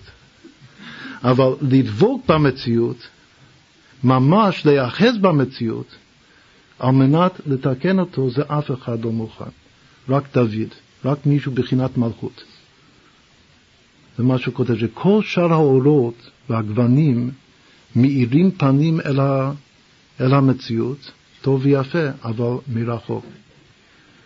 ורק התכלת יכולה, מסוגלת, לרדת להיאחז במציאות ממש, על מנת לתקן את העולם. זה מה שהוא כותב, שכולם מאירים מרחוק אל הגחלת, והיא בוררת מן הגחלת ניצוצים. רק התכלת בוררת מתוך הגחלת את הניצוצין של אש היסודי, זה מה שהוא כתב קודם. שהאש היסודי נמצא בתוך הגחלת, אלו הניצוצין, ורק התכלת, שהתכלת זה הבא כוח ממש של האש היסודי, מסוגל להיאחז בגחלת, במציאות ממש, כדי להוציא משם את הניצוצות של האש היסודי, שנמצאים בתוך הגחלת. וכן כל דלת היסודות. הוא אומר שיש ניצוצות של כל אחד מארבע היסודות בתוך הגחלת, והתכלת בוררת את כולם, את כל הניצוצות, ומחזירה את כל הניצוצות לשורשם. וכן, עכשיו, זה היה במשל. עכשיו הוא חוזר לנמשל. אותו הדבר המלכות. המלכות זה התכלת. וכן עושה מלכות בסוד ומלכותו בכל משלה, שרק המלכות יורדת להיאחז בכל משלה. והיא מבררת על ידי מוח האלה, עכשיו הוא מכניס משהו חדש, מה הוא לא הזכיר כאן בכל הסיפור עד עכשיו? אנחנו אמרנו שמתבוננים בנר, בהשקפה הראשונה, על פי יסוד, על פי חסידות, מתבוננים בשמן, נהור החיבה, נהור האוכמה, פתילה. בתחילה הוא רק חילק חמש מדרגות באור של השלהבת, עד שהוא הגיע לשחור, לחושך. אחר כך הוא התחיל לדבר על הגחלת, ואפשר לומר שהגחלת זה כמו הפתילה. אבל עדיין הוא לא הזכיר את השמן. השמן לא היה כאן בכלל. ועכשיו הוא מוסיף עוד משהו בסוד, ברמז, שזה גם קשה לקרוא עכשיו את המשפט הבא, צריך הרבה הקדמות להבין מה שהוא מתכוון. אבל בקיצור מה שהוא מתכוון שהתכלת גופה מסוגלת לפעול את עבודת הבירורים רק מכוח זיווג שהמלכות מקבלת שמן, אנרגיה, לפעול את הפעולה שלה ממוח העילה. מוח העילה זה חוכמה. זה, זה אותו שמן משחת קודש שבהתבוננות הראשונה עומד במקום היוד של שם השם, החוכמה. זה מה שהוא כותב כאן, והיא מבררת על ידי מוח העילה כידוע. המשפט הזה הוא משפט סתום בשבילנו. כלומר שזה לא על פי שום דבר שהוא כתב עד עכשיו. עכשיו מכניס אנרגיה חדשה לביור שלו. הוא אומר שמה שהמלכות למטה מסוגלת לברר, זה שהיא חושקת לרדת לברר, זה שיש לה קונפליקט קיומי, שמצד אחד היא רוצה מאוד לברר, מצד שני היא מאוד רוצה להיות בשורש. אז זה מצד המלכות עצמה. אז זה שהיא יורדת לברר זה מצד טבעה היא, אבל זה שהיא מסוגלת לברר, יש לפעמים אתה רוצה משהו, אתה לא יכול. זה שהיא יכולה לברר, זה מכוח זיווג שהיא מקבלת שמן ממוח העילה, מהחוכמה. זה מה שהוא כותב כאן. והוא סוד הזיווג והבן. כאן הוא סותם את עצמו, לכן הוא אומר והבן. והיא חוכמה, זאת אומרת המקור של המוח העילה, הזיווג, שנותן לה את הכוח לברר, זה מהחוכמה ששם השמן. לכך צריך פתילה לשמן. עכשיו כאן הוא, הוא מסביר שסוד הפתילה זה כדי להמשיך את השמן לתכלת. זה צינור, זה לא בדיוק הגחלת. אם אמרתי קודם שהפתילה זה במקום הגחלת, זה לא מה שמסביר כאן. כאן הוא מסביר שהפתילה זה צינור, זה דרך להמשיך את השמן, זה כמו היסוד, כמו הברית. השמן זה החוכמה, והפתילה זה כמו היסוד, שממשיך את השמן אל המלכות התכלת, ומכוח הזיווג הזה, התכלת מסוגלת תכליס להיאחז בגחלת על מנת לברר את הניצוצות שבגחלת. דרכך צריך פתילה לשמן, וזה סוד כל המצוות והכוונות, וסוד מים דחורים מים נוקפים. וכו'. אחר כך הוא ממשיך להעריך שלא נקרא יותר. הוא אומר שמה שאמרתי עכשיו, עד עכשיו, זה הסוד של כל התורה כולה. זה משהו, זה הסיכום שלו. שכל התורה כולה, כל התורה וכל המצוות וכל הכוונות, ומה שנקרא מד ומן, מיין דחורים ומיין נוקפין, והכל מכל כל, זה עכשיו מה שהסברתי לך. עד כאן הגר"א. עכשיו, אם רוצים, תמשיכו לקרוא הלאה. אז נמצא שהכל מכל כל זה סוד התכלת. לכן אמרנו שתכלת שווה כל טוב, כל פעמים טוב, ואין טוב אלא תורה ומצוות. כל התורה כולה זה הכל מצומצם, מרוכז בסוד התכלת. זה שהתכלת צריך שמן, הוא צריך גם, הוא רק צריך דבר אחד, ללמוד חסידות. זה השמן שלו. ואם הוא ילמד חסידות, אז הוא יוכל, אז הוא יקבל את הזיווג, ויהיה מן ומד, ויהיו בירורים בעולם. עוד פעם, מה, מה יש לו עכשיו? נעשה סך הכל. יש חמש מדרגות של אש, של אור, שכל אחד זה גוון. הגוון מלמטה היסודי זה התכלת, אחר כך לבן, אחר כך נוגה, שלפי רש"י זה ירקרק, אחר כך זוהר, אחר כך שחור. למעלה מהכל יש פנימיות הכתר, יסוד האש, עתיק, תחילתן. למטה מהכל יש גחלת, זה כבר שבע מדרגות, אבל כדי שהתכלת תוכל לברר את הגחלת, העולמות התחתונים, הגחלת, היא זקוקה לשמן ופתילה. פתילה בשביל למשוך אליה את השמן, לעשות זיווג עם התכלת, לתת לה את הכוח לברר את הניצוצות מתוך הגחלת. אז בעצם הוא הסביר כאן תשע מדרגות במשל שלו. ואחר כך הוא אמר שאם נבין את זה, אז הבנו את כל התורה כולה, ואת כל הקבלה כולה, את כל הסודות. נקרא דרך קצרה. טוב, עכשיו אמרנו שזה היה בשביל לגוון את הלימוד, הקטע הזה. אז אולי רק נעשה את החסד, נעשה עוד ספירה אחת היום, נמשיך מחר בעזרת השם. מה שיש כאן, שעוד ספירה אחת זה חסד, זה פשוט, אני מקווה בשתי דקות נעשה, נגמר את זה. החסד לפי הרמק זה לבן, אבל יש מי שאומר שזה תכלת מלובן, קודם הוא מביא את הדעה הפשוטה שחסד זה לבן, אבל אמרנו שכתר זה לבן, אז לא ייתכן שחסד וכתר זה אותו הדבר. אז הוא אומר שיש מי שאומר שזה לא לבן, זה תכלת מלובן, כלומר כחול לבן. וזה הוא מסכים, זאת אומרת שזה הפירוש העיקרי. לכן אצלנו, כשנעשה את השכלול של כל, ה, כל הספירות, אז נסביר ש, שסתם חסד הוא דווקא כחול. הרי יש שלושה צבעי יסוד של האומנות, כחול, אדום, צהוב. אז קודם הוא אומר שחסד לבן בגלל שהוא חסד, בגלל שזה טבע החסד, חסד אברהם, אהבה. זה אמור להיות לבן. אבל הוא אומר שזה תכלת מלובן, וזה גוון הכסף ממש. לכן המתכת הכסף תמיד מזוהה אותה מתכת עם החסד. לגבי הזהב זה יותר קשה להבין, זה שוב בהמשך בעזרת השם. אבל הכסף הוא תמיד מלשון כיסופין, חסד זה כיסופין, אהבה. זה הפעילות של המילה כסף, לכסוף. והצבע שלו הוא תכלת מלובן. אז זה צבע החסד. עכשיו הוא אומר, למה באמת לפעמים אומרים שחסד זה לבן לבן?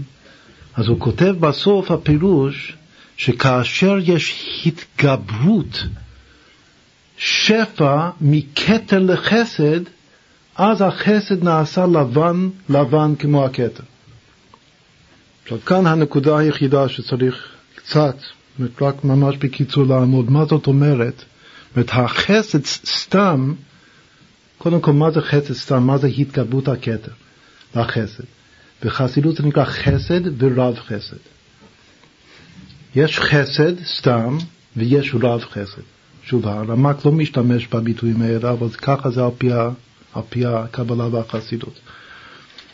אז חסד סתם, שזה חסד לאברהם, הוא הצבע תכלת מלובן.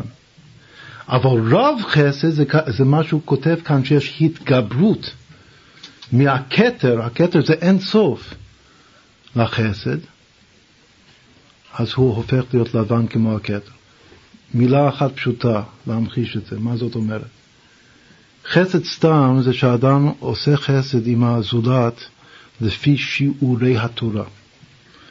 הרי כל המידות, גם מידת החסד נקרא מידה על שם מדידה והגבלה. כך הוא מסביר, גם זה הפשט שעכשיו מסבירים, זה כתוב בכמה מקומות בספר התניא. חסד סתם זה חסד במידה. עכשיו חסד במידה גם נובע ממידה פנימית, רגש פנימי שהוא גם כן משוער במידה, שיש לו גבול, גבולות. רב חסד זה חסד בלי גבול. כלומר שבנפש זה ללא מידה. פשט, מה הפשט? הפשט שמתי שהחסד הוא בלי להתחשב בעצמי, זה נקרא רב חסד. מה עושה גבול בחסד? שאני חושב גם על עצמי בעסק, או גם באהבה. זה שיש מי שאוהב, הישות שלי מתערבת עם האהבה שלי לזולת, זה נקרא חסד סתם והוא מוגבל. במה הוא מוגבל? הוא מוגבל, אני מגביל אותו. מה זאת אומרת אני מגביל אותו? חייך קודמים. שלו יצויר שיש פה התנגשות ביני לבינך, אז קודם אני דואג לעצמי, אחר כך אני דואג לך. זה שיעורי תורה, זה מידה על פי תורה. עכשיו הצבע של המידה הזאת, שזה סתם חסד, הוא תכלת מלובן. אבל כאשר הכתר מתגבר ויורד לחסד, אז הוא הופך להיות לבן גמור כמו הכתר. מה זה? זה נקרא חסד, זה לשון חסיד. איך הגמרא מסבירה מי הוא חסיד? מי הוא חסיד? זה אחד שהזולת בא לפניו, לכל דבר. לכאורה, לפנים משורת הדין, דין תורה זה לא ככה. יש גם כן שיעורי תורה לגבי חסד. לגבי חסד חייך קודמים. אם יש רק עיתון של מים לשני אנשים במדבר, אז קודם אתה תשתה, אל תיתן את זה למישהו אחר. אבל יש לפנים משורת הדין, זה חסיד אמיתי. לפנים משורת הדין, גם בעניין של חייך קודמים, זה נקרא רב חסד. זה הדוגמה בעבודה, מה זאת אומרת שהכתר, אור הכתר מתגבר במידת החסד, ואז מידת החסד הופכת להיות לבן גמור. שבדרך כלל מידת החסד הוא רק תכלת מלובן.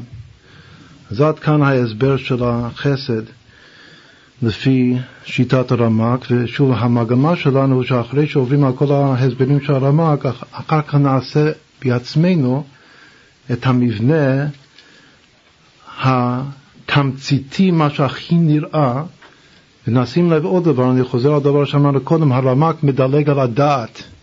היות שהוא כתב את הכתר אז אין בו דת. שאנחנו על פי הקבלה והקבלה של האריזה, ושהחסידות במיוחד, חייבים לכלול גם את הדת. אז צריך להתחשב בזה כדי לעשות מבנה כולל, אבל המבנה הכולל הוא רק יהיה אפשר לנו לעשות אותו טוב, יסודי, לאחר שנעבור על כל ההסברים של הרמק. אז עד כאן חנוכה שמח. הראשון, אמרנו אתמול שנכתוב קיצור של פירוש הגר"א ספר יצירה שלמדנו אתמול בערב. אז זה כאן בלוח הזה.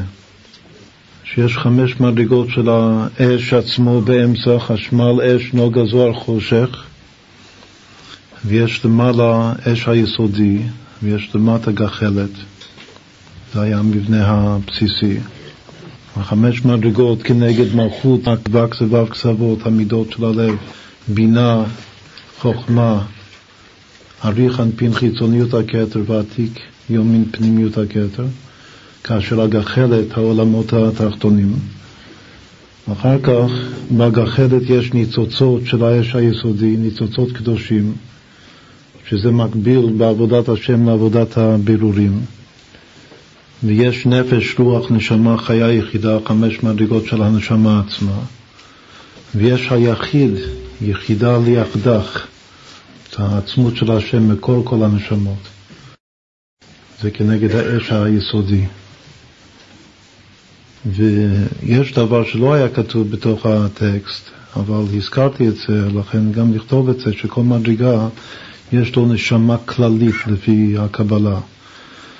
הנשמה הכללית של המלכות, החשמל, התכלת, הוא דוד המלך.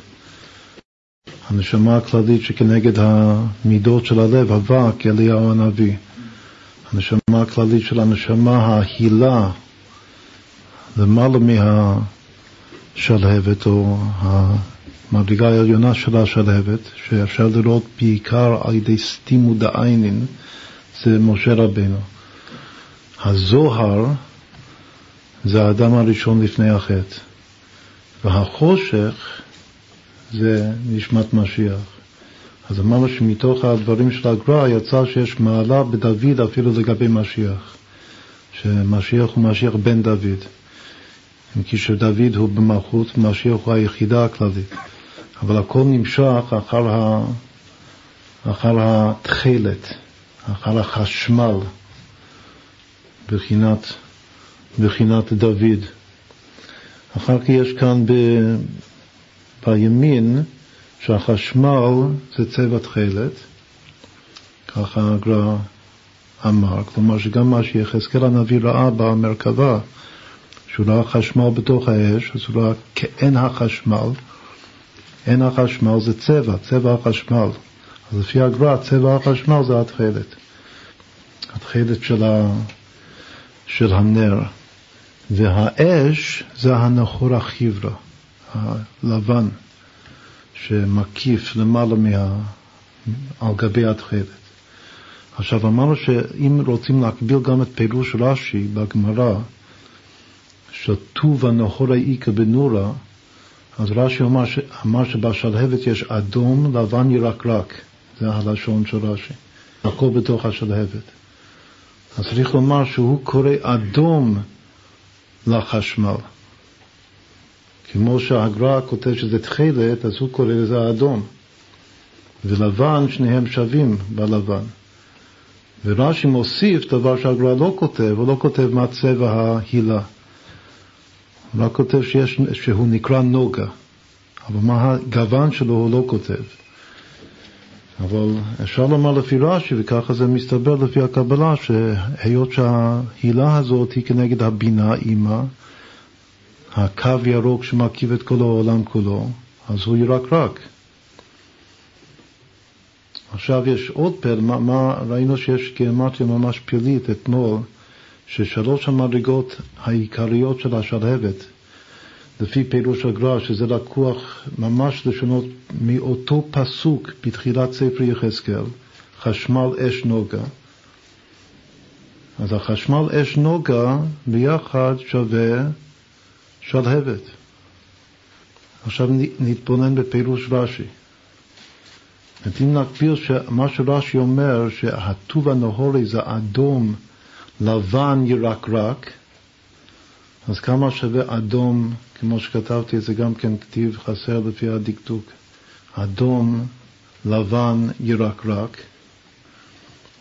שזה הלשון של רש"י, וגם הוא כותב שזה מה שנמצא בתוך השלהבת.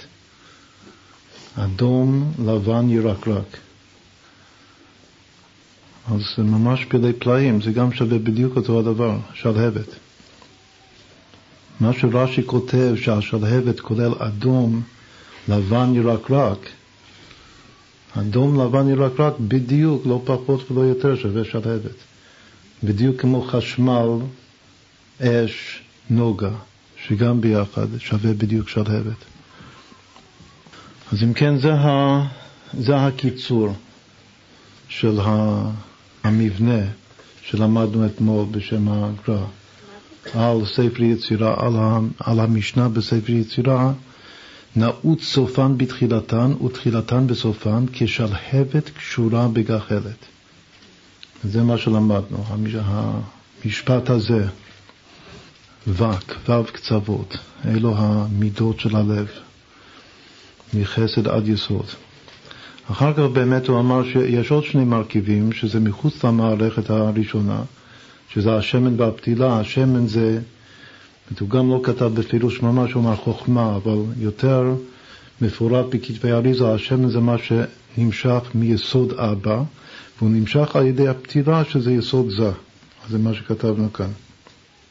שהשמן הוא בחינת יסוד אבא, נמשך למלכות התכלת, זאת אומרת התכלת זקוקה לזיווג של השמן דרך הפתילה. ואז התכלת מסוגלת לעבוד את עבודת הבירורים, לברר, להוציא את הניצוצות הקדושים מתוך הגחלת, הגחלת המציאות. אז באמת יוצא שעיקר העבודה לשם מה הנשמה הטהורה ירדה מאיגרא רמא לבירא עמיקתא, בשביל מה אנחנו נולדנו כאן בעולם הזה, כדי שהחשמל שלנו, התכלת, תיאחז בגחלת. כדי שכל המטרה של החיים בעולם הזה זה שתהא שלהבת קשורה בגחלת. ועיקר השלהבת קשורה בגחלת זה החשמל בגחלת. את החשמל זה מה שכמו שהוא אמר, שכל השאר רק מביטים או מברכים מרחוק, אבל מי שנכנס לעובי הקורה של העבודה זה רק הנפש. שהנפש החשמל, התכלת. אז גם יש גם uh, עוד גימטריה מאוד מופלאה. גחלת, הגחלת זו המציאות עם הניצוצות הקדושים שבתוך המציאות. גחלת שווה אמת. אמת זה מספר חשוב מאוד, זה 21 בריבוע. אקיה אשר אקיה, השם אקיה הוא 21, אקיה פעמים אקיה שווה אמת שווה הגחלת, יש אמת בגחלת. דווקא במציאות התחתונה, העולמות התחתונים עם הניצוצות שבו, שמה האמת. כמו שהפסוק אומר, אמת מארץ תצמח, האמת נמצאת בתוך הגחלת. עכשיו, כתוב בקבלה שהאמת זה זין פעמים סג. שבע פעמים שם סג. שם סג זה עולם התור, שהוא עולם נעלה ביותר, רק שהוא היה אורות מרובים וכלים מועטים, ולכן הוא נשבר ונפל. אבל זין פעמים סג, שבע סג שווה אמת. עכשיו, חשמל כתוב הוא שש פעמים סג. יש קשר בין חשמל לבין אמת, או כאן בין החשמל לבין הגחלת. זה קשר מספרי, שחשמל הוא ו' פעמים סג, וגחלת שהוא אמת, הוא זין פעמים סג, נמצא שביחד, שעיקר הקשר, כל המושג התקשרות, קשר. בקבלה המושג קשר הוא מהביטוי הזה, שלהבת קשורה בגחלת. שזה הקשר בין היהודי לבין העולם הזה. הקשר של היהודי עם העבודה שלו בעולם הזה. עכשיו זה גם מאוד מעניין שהמושג קשר התקשרות זה לא נאמר בקשר לקשר שבין היהודי להשם אפילו, או לתורה. לפי הפירוש שזה הקשר, המושג התקשרות, קשר, הוא נאמר הקשר של היהודי לשליחות שלו, לעולם, שצריך להיות קשור למציאות. זה הקשר.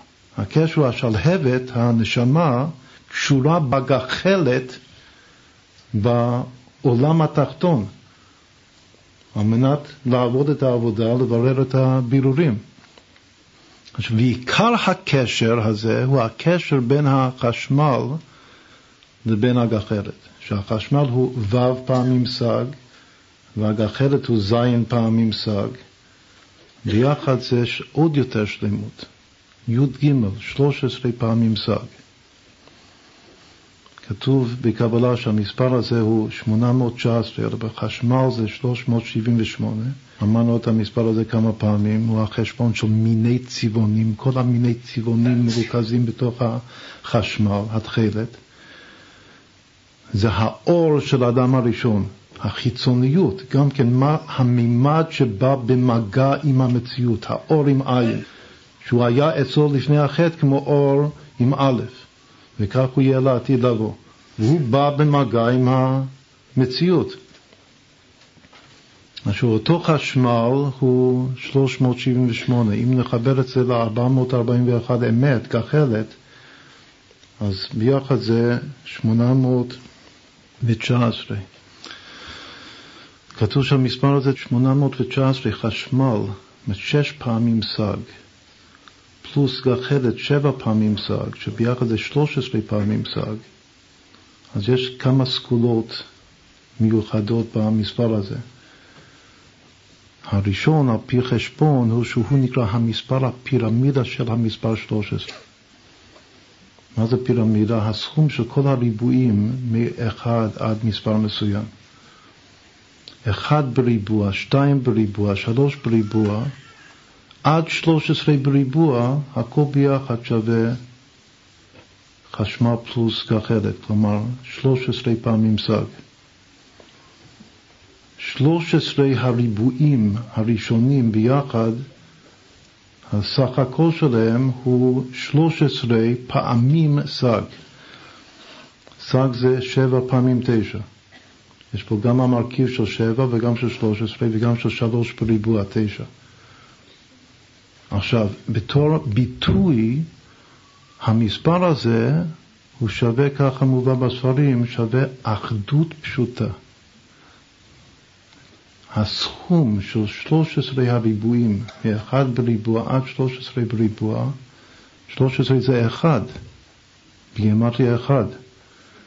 אז מהמספר 1 בריבוע עד המילה 1 בריבוע, כל הריבועים ביחד שווים אחדות פשוטה. עכשיו זה גם כן הכוונה של זאת חנוכה, היות שבזאת חנוכה יום השמיני קוראים בתורה עד סוף הי"ב נשיאים ואחר כך הכולל שלהם, זאת חנוכת המזבח שקראנו הבוקר בתורה. זאת חנוכת המזבח זו המדרגה הי"ג. אז קוראים מאחד, בחנוכה יש שמונה ימים, אבל ביום השמיני משלימים עד הסוף, עד השלוש עשרה. ועם כל אחד בשכלול, ריבוע שזה צורה של שכלול, מאחד בריבוע 13 בריבוע שווה אחדות פשוטה, שווה חשמל פלוס גחלת. את הקשר הזה שלהבת קשורה בגחלת. אם ניקח את כל השלהבת, נאמר עוד רמז אחד, כל השלהבת, שזה חשמל, אש, נוגה, הכל ביחד, ונחבר את זה עם גחלת, שזה לכאורה עוד יותר הפשט של המשפט, כי כשלהבת קשורה בגחלת. אז נעשה את, ה, את החשבון הזה. שלהבת זה 737 פלוס אמת, 441, אז מה זה שלהבת פלוס גחלת? שלהבת קשורה בגחלת. שווה 1178. מה זה בקבלה? אמרנו כאן בספר יצירה שהוא המקור הוא עוד קדום לפני ספר הזוהר. אז כאן מוצאים את המושג קשר, שזה הקשר בין הנשמה השלהבת עם המציאות הגחלת. האחיזה שהנשמה נאחזת במציאות כדי לברר את הבירורים מתוך המציאות, מתוך העולם. אבל בספר הזוהר, שהוא נכתב אחרי זה, אחרי ספר יצירה, אז מה עיקר המשפט שמה של קשר? פעם המושג קשר, קישור. בספר הזוהר המשפט העיקרי של קשר הוא תלת קשרים מתקשרן דה בדה, שלושה דברים מתקשרים אחד בשני. ישראל, אורייתא וקודשא בריחו. ישראל ותורה והשם. עוד פעם, בספר יצירה הקשר הוא הקשר בין השלהבת לבין הגחלת. בזוהר הקשר הוא הקשר בין ישראל לתורה לשם. עכשיו נראה מה הקשר ביניהם. לכאורה זה שני דברים שונים, שני, שתי תפיסות שונות של קשר. אבל נראה גם כן החשבון יגלה לנו שבעצם זה היינו הך. כמה זה הקשר של הזוהר? ישראל, תורה, השם. כמה זה שווה ביחד? ישראל פלוס תורה פלוס הוויה. ישראל זה 541, תורה זה 611, והשם זה 26. אז כמה זה ביחד? זה 1178. שווה שלהבת פלוס גחלת. זה גם כן גיאומטריה מופלאה ביותר. הקשר של השלהבת פלוס גחלת הוא בדיוק בדיוק הקשר של ישראל, תורה, השם. זאת אומרת, גם כן, אם רוצים לגלות, איך נפרש את זה על פי חסידות, את הגיאומטריה הזאת, שאם רוצים לגלות שבעצם הכל אחד, הקשר בין ישראל לבין התורה לבין הקודשא בריחו, זה לא, לא סתם קשר, זה כול אחד, אז הקשר הזה, האחד ממש, או האחדות פשוטה ממש, מתגלה דווקא בקשר כאן של ספר יצירה, הקשר של השלהבת בגחלת. בסדר, זה היה להמשיך את הנושא של אתמול. אתמול בלילה. עכשיו נמשיך את הנושא שהתחלנו אתמול בבוקר, שזה כמה שיעורים, לעבור על כל הספירות עם הגוונים שלהם, מבוסס על פי ספר הפרדס, שהוא הספר היחיד שדן בכך. ואחר כך, אחרי שנסיים בעזרת השם, אז נעשה את הסך הכל מכל השיטות וכל מה שדובר עד עכשיו, איך באמת הצורה הכי פשוטה, לפי עניות דעתנו, לכוון ולהקביל את, ה, את הספירות והגוונים. עכשיו גם כן שאלו, שאלו קודם כמה אנשים לגבי איברי הגוף, הקשר בין הגוונים לבין איברי הגוף. עכשיו, הדבר הזה מובן מאליו, אנחנו פה, מתקד... זה נקרא שיעור למקובלים מתקדמים, הסמינר הזה. אז היות ש... אפשר לחשוב שזה מקובלים ירוקים, בסדר, אז יש מקובלים ירוקים כאן, אבל גם צריך להיות גם הירוקים, גם מקובלים מתקדמים. ומישהו קצת מתקדם, אז הוא, זה, הוא לא צריך אפילו לדבר על איברי הגוף, בגלל שברגע שמדברים על הספירות, הוא יודע שהספירות הן כנגד איברי הגוף. ולא סתם כנגד איברי הגוף, הוא גם יודע שכל ספירה זה כנגד מערכת בגוף, כמו שאנחנו למדנו את זה כמה פעמים בשיעורים שלנו. לדוגמה, אם אנחנו נגיע לספירת ההוד ונסביר שספירת ההוד זה צבע כתום, אז לא צריך לומר שכתום, אור כתום זה טוב לרפות את הרגל השמאל, ועוד יותר חשוב מזה, שאור כתום הוא כנראה חשוב מאוד בריפוי מערכת החיסון בגוף בכלל. בגלל שזה כבר דבר ידוע אצלנו שהוד הוא גם רגל שמאל, וגם ידוע אצלנו בתור מערכות הגוף שהחוד זה כנגד מערכת החיסון בגוף. אז ההקבלה בין הספירות לבין האיברים, וההקבלה בין, בין האיברים לבין המערכות של הגוף, אז זה דבר נתון, זה דבר ש, ששוב, בתור מקובלים מתקדמים קצת, אז אנחנו כבר יודעים את זה, אז אין בכלל צורך לדבר על זה כאן, בגלל שכל אחד יכול להבין את זה בעצמו. אם אמרנו שהצבע העיקרי של החוכמה זו התכלת, לפי הרמק, ולפי גם איך שיצא לנו לפי ההיגיון הפשוט שלנו, ואנחנו יודעים שהחוכמה זה מוח ימין, ואנחנו יודעים שחוכמה זה כנגד מערכת המוח, המח של העצמות בגוף, התאים שיוצרים את התאי דם. אז אנחנו יודעים שאם יש בעיה במוח העצמות,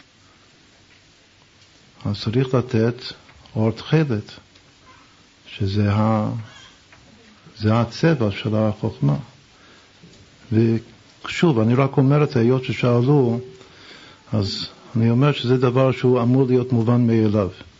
לכן כל מה שאנחנו צריכים לחקור זה הקשר בין הצבעים לבין הספירות. ואם יודעים את הקשר בין, ה, בין הצבעים לבין הספירות, אז קודם כל יודעים את הקשר בין הטבע לבין המימד הפסיכולוגי של הנפש. אנחנו מתייחסים לספירות בעיקר כתכונות נפש. אבל גם כן בדרך ממילא, לפי הרקע שלנו בקבלה, בחסידות, אנחנו יודעים שכל ספירה יש לו את המקביל שלו גם באיברי הגוף, ועוד יותר חשוב, במערכות הגוף. עכשיו, אנחנו הגענו עד לגבורה, ספירת הגבורה. גם כן, בגוף, מה זה הגבורה? זה או שזה יד ימין בתור איבר של הגוף, או יד שמאל, סליחה, או שהגבורה זו המערכת של גידי הדם, לא הדם עצמו, הגידים שמובילים את הדם. עכשיו, כאן הרמק מביא מכל ספרי הקבלה של הראשונים וגם מעצמו, והוא מזהה בתוך הגבורה שלושה גוונים. אדום, ברוב המקומות כתוב שגבורה זה אדום, זה פשוט. אפילו אמרנו, הגדרנו שזה מכל הגוונים, כל ההקבלות זה הכי פשוט. אבל הוא אומר שלפעמים כתוב שיש תכלת גם כן בגבורה.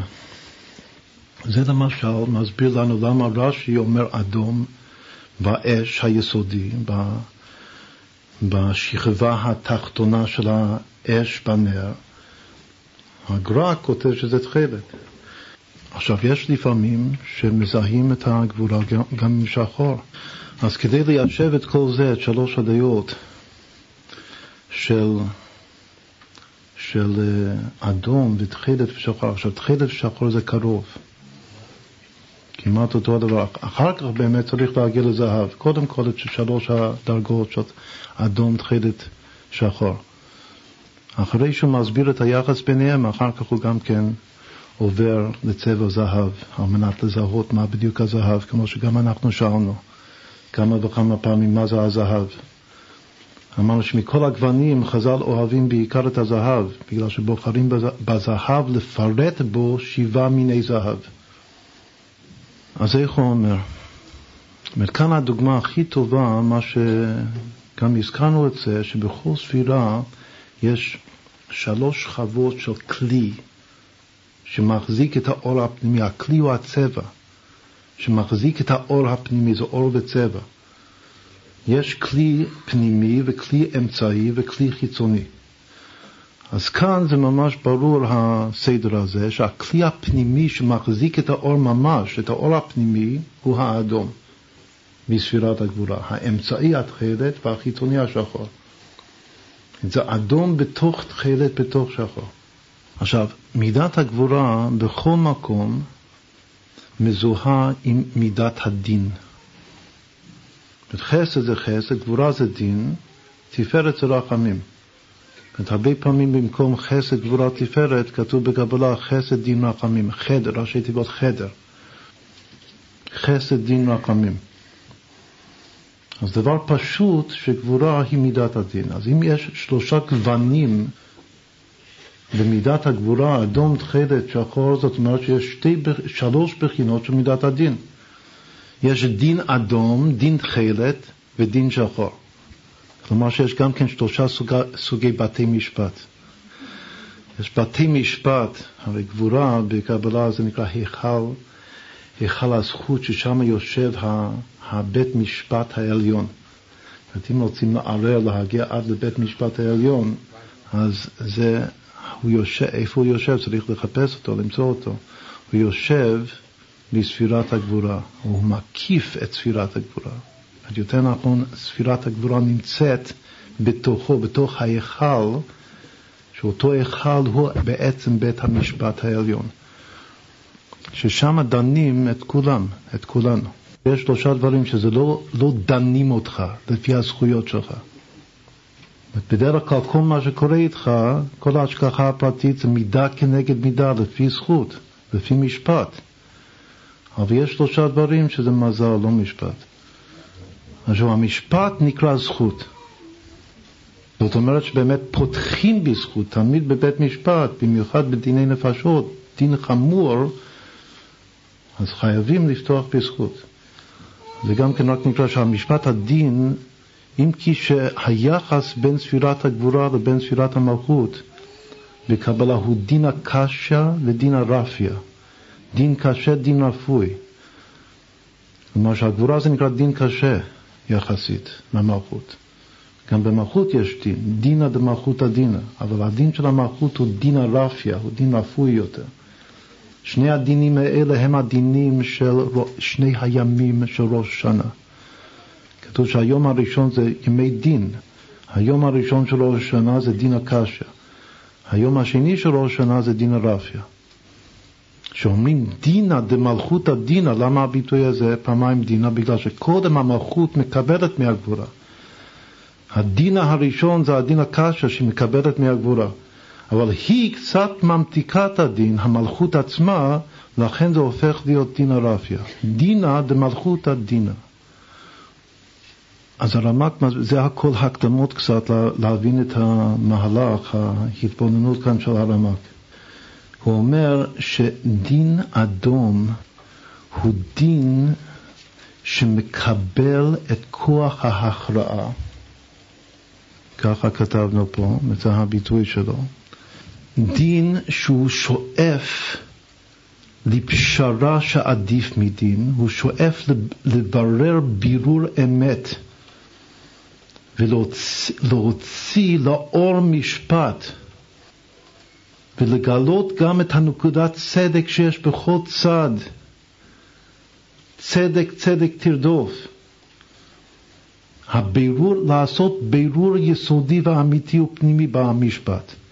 לחשוף את האמת. הוא אומר שדין כזה הוא דין משמח. על דרך המאמר חז"ל אין שמחה כהתרת הספק.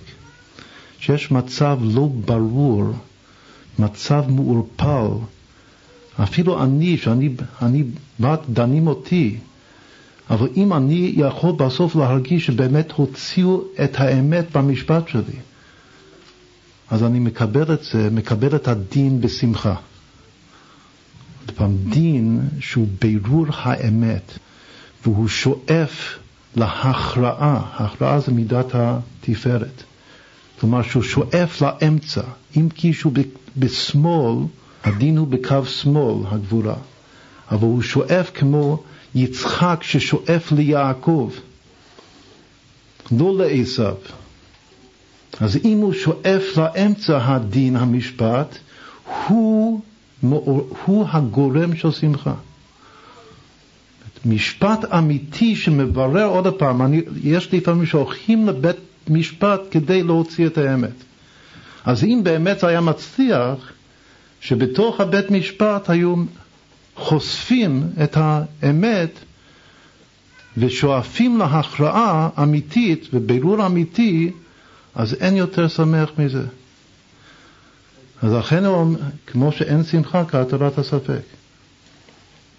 אז הוא אומר שזה, הוא לא מביא את, ה, את המאמר הזה, אז אני מוסיף רק להסביר אותו. אז הוא אומר שהדין הזה הוא דין אדום. אז אם כן, אדום זה צבע, זה, זה נקרא הדין הפנימי. והדין הפנימי הוא צבע שמח.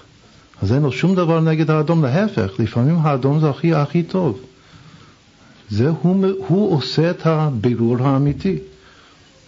אחר כך יש דין שני שהוא דין צדק, הוא גם כן דין צדק, אבל הוא דין שהגבורה מוסרת למלכות על מנת לסדר את המערכת, המערכות של המלכות בבחינת זה ישפיל וזה ירים.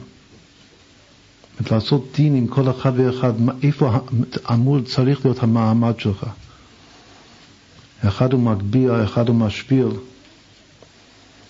הדין הזה, שזה כדי לסדר את המדינה, שזה בא מהגבורה למלכות, זה התכלת.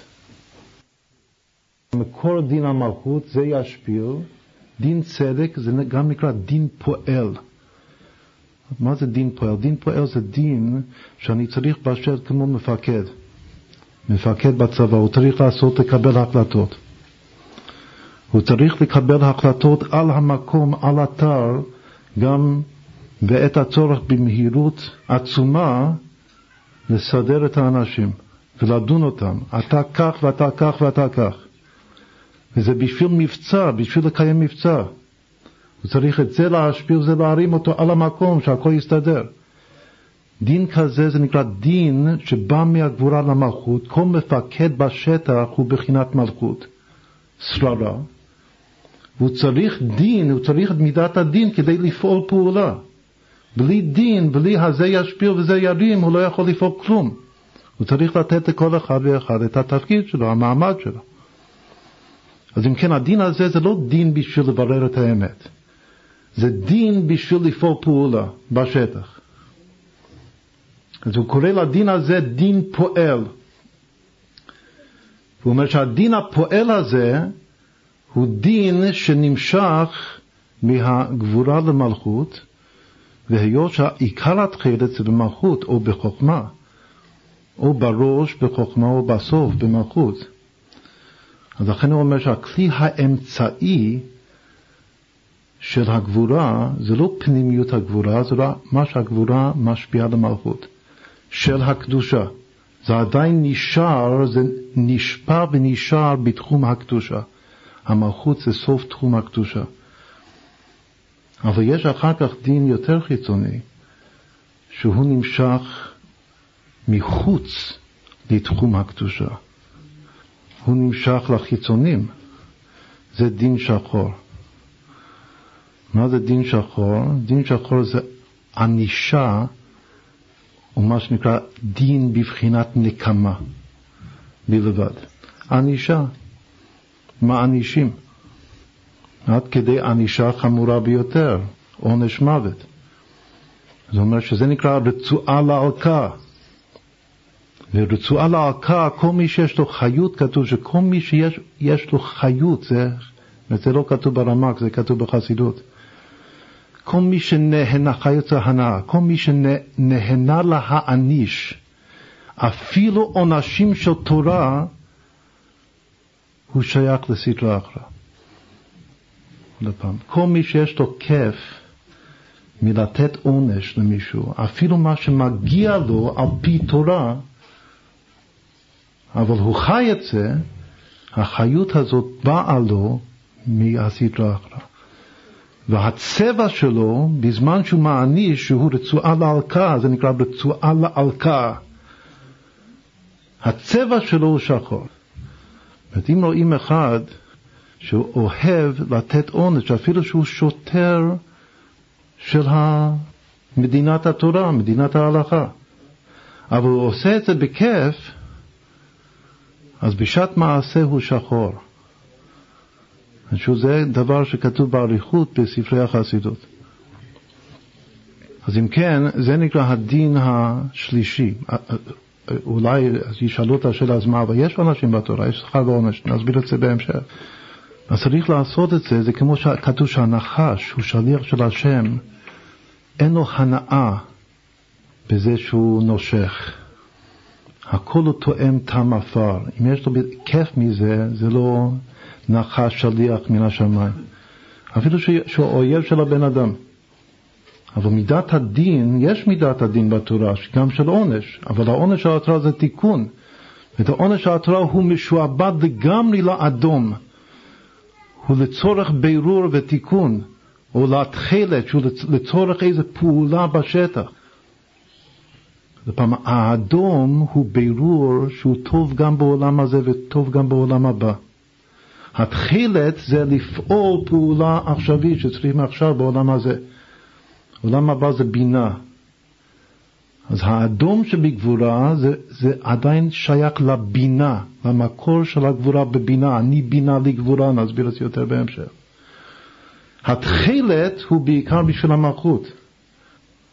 עכשיו השחור, יש, יש שחור, אבל אם, שוב, אם יש חיות בענישה, זה סטרא אחרא. זה, זה משפיע שפע, מניק את החיצוני מחוץ לתחום הקדושה לגמרי. כתוב שהתורה ניתנה, זה גם מאמר חז"ל מאוד מאוד חשוב לעניין הגוונים שעוד לא ציטטנו. רש"י מביא על הפסוק מימינו אש דת למו בתחילת פרשת זאת הברכה. התורה ניתנה מימינו של השם, מה זה ימין? ימין זה חסד. אבל מה ניתנה מהימין? אש, אש זה גבורה. כמה כתוב? מימינו אש דעת למו. שהפשט הוא שגם הגבורה הוא ניתן מהימין.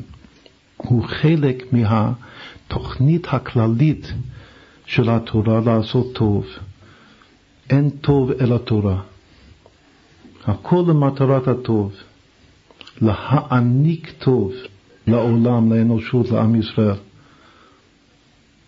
מימינו אש דת למוג. אבולעפיה, אחד מהמקובלים הראשונים, אותם מאלה ש, שהרמק למשל מצטט מקובלים הראשונים, אחד מהם זה אבולעפיה.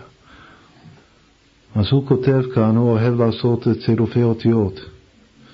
אז הוא לוקח את המשפט, וזה ככה הייתה דרך ההתבוננות שלו, עד כדי כך שהוא אמר שמתוך כך אפשר להשיג רוח הקודש, שמשחקים משחקי קודש עם צירופי אותיות התורה.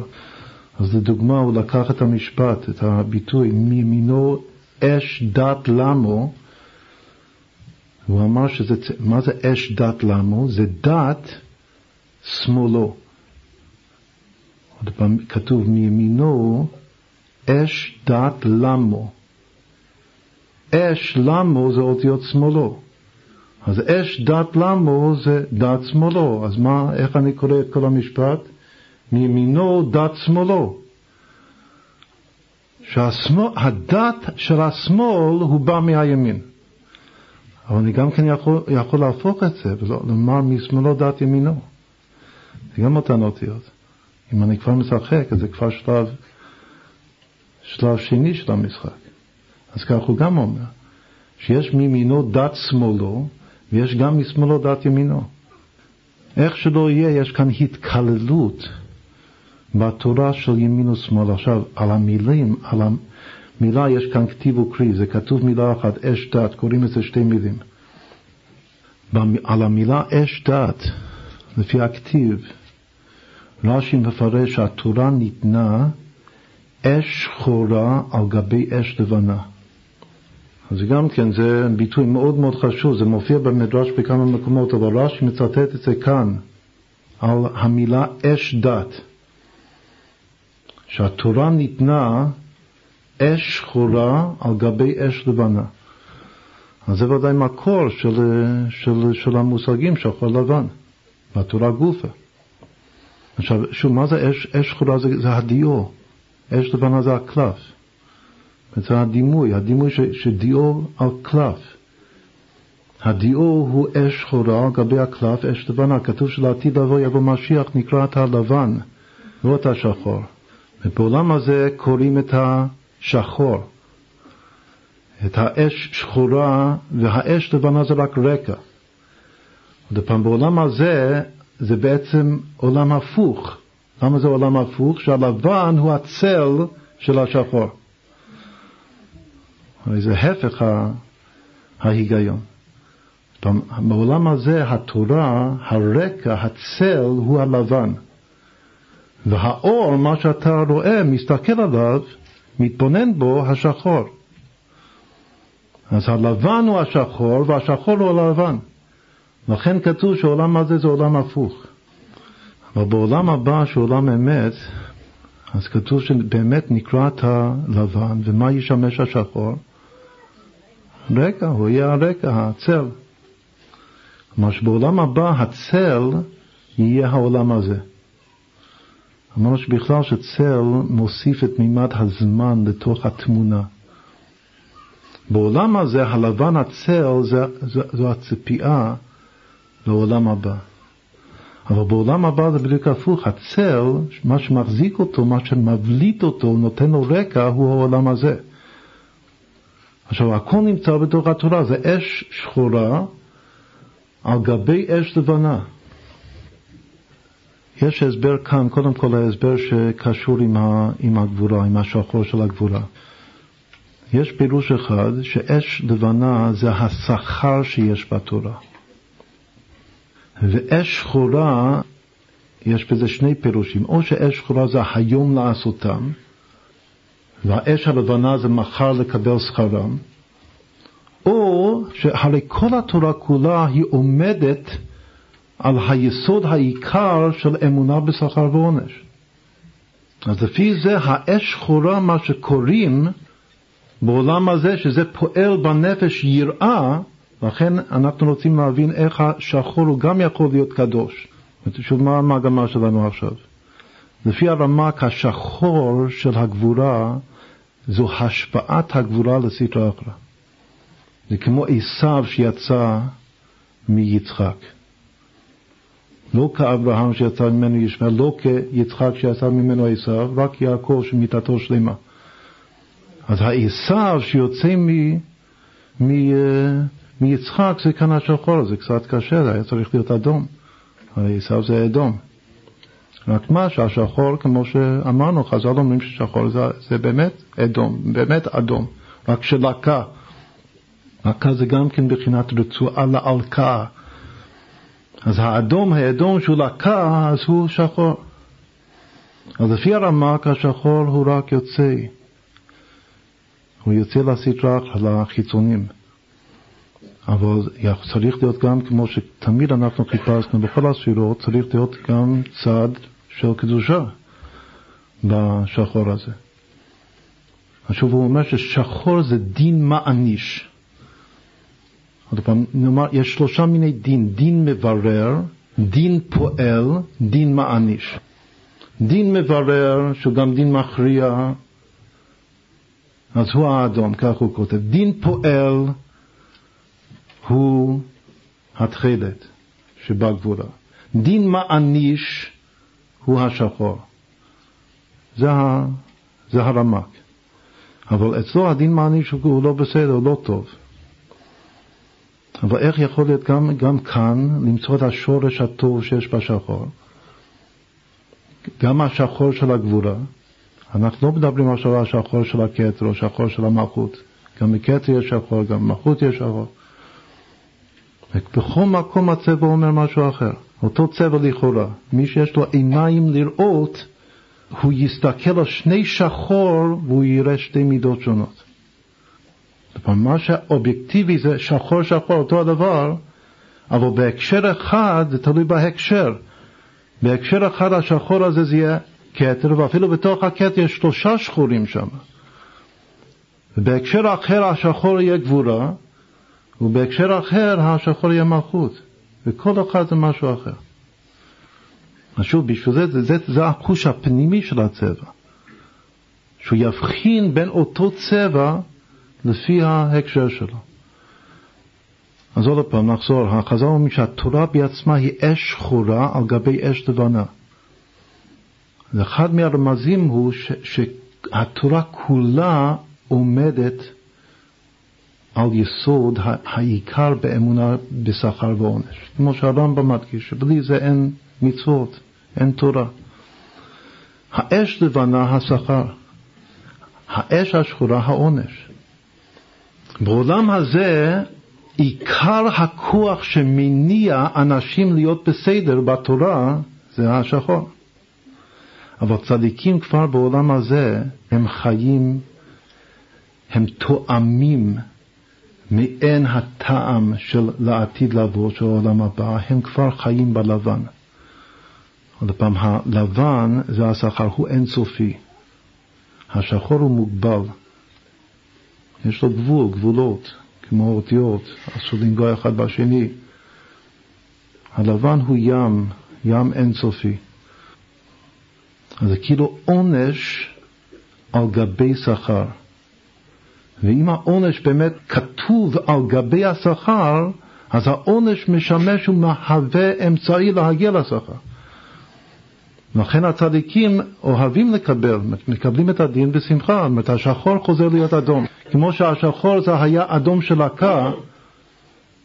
זאת אם השחור כאן הוא באמת על רקע הלבן, יודעים שלפעמים שהאותיות מתיישנות בספר תורה זה הופך להיות אדום בגריותא, זה פסול אפילו. אבל יש, יש כנראה נטיעה כזאת גם כן בפנימיות. לפי ההגדרות של, ה, של, ה, של הרמ"ק, צדיק, וכל עם ישראל אמורים להיות צדיק. מי שמקבל את הדין, גם דין של ענישה, לא, אפילו שהוא נדמה לו שזה לא צדק. לא צדק של בני אדם, אבל זה השגחה פרטית של הקודש ברוך הוא, זה ודאי. הרבה שטוחים יש למקום, כמו שכתוב בתניא באיגרת הקודש כ"ה. אפילו שבן אדם השני שעושה משהו לא בסדר, אבל אם הוא עשה לך משהו לא בסדר, זה נגזר עליך מן השמיים. אז אם מקבלים את השחור בשמחה, אז הוא הופך להיות כמו האדום כאן הטוב. שהוא משמח. את אשר יאהב השם יוכיח. לפעם שחור, זה, זה גם, זה תלוי בדעת של הבן אדם. הבן אדם היהודי יכול להבין מתוך השחור שזה סימן שהשם אוהב אותי. את אשר יאהב השם יוכיח. ואז הוא יכול לשמוח מאוד, ואז השחור חוזר להיות מקור של שמחה כמו האדום. ואז מתוך השחור רואים דרך השחור את הלבן, הלובן העליון.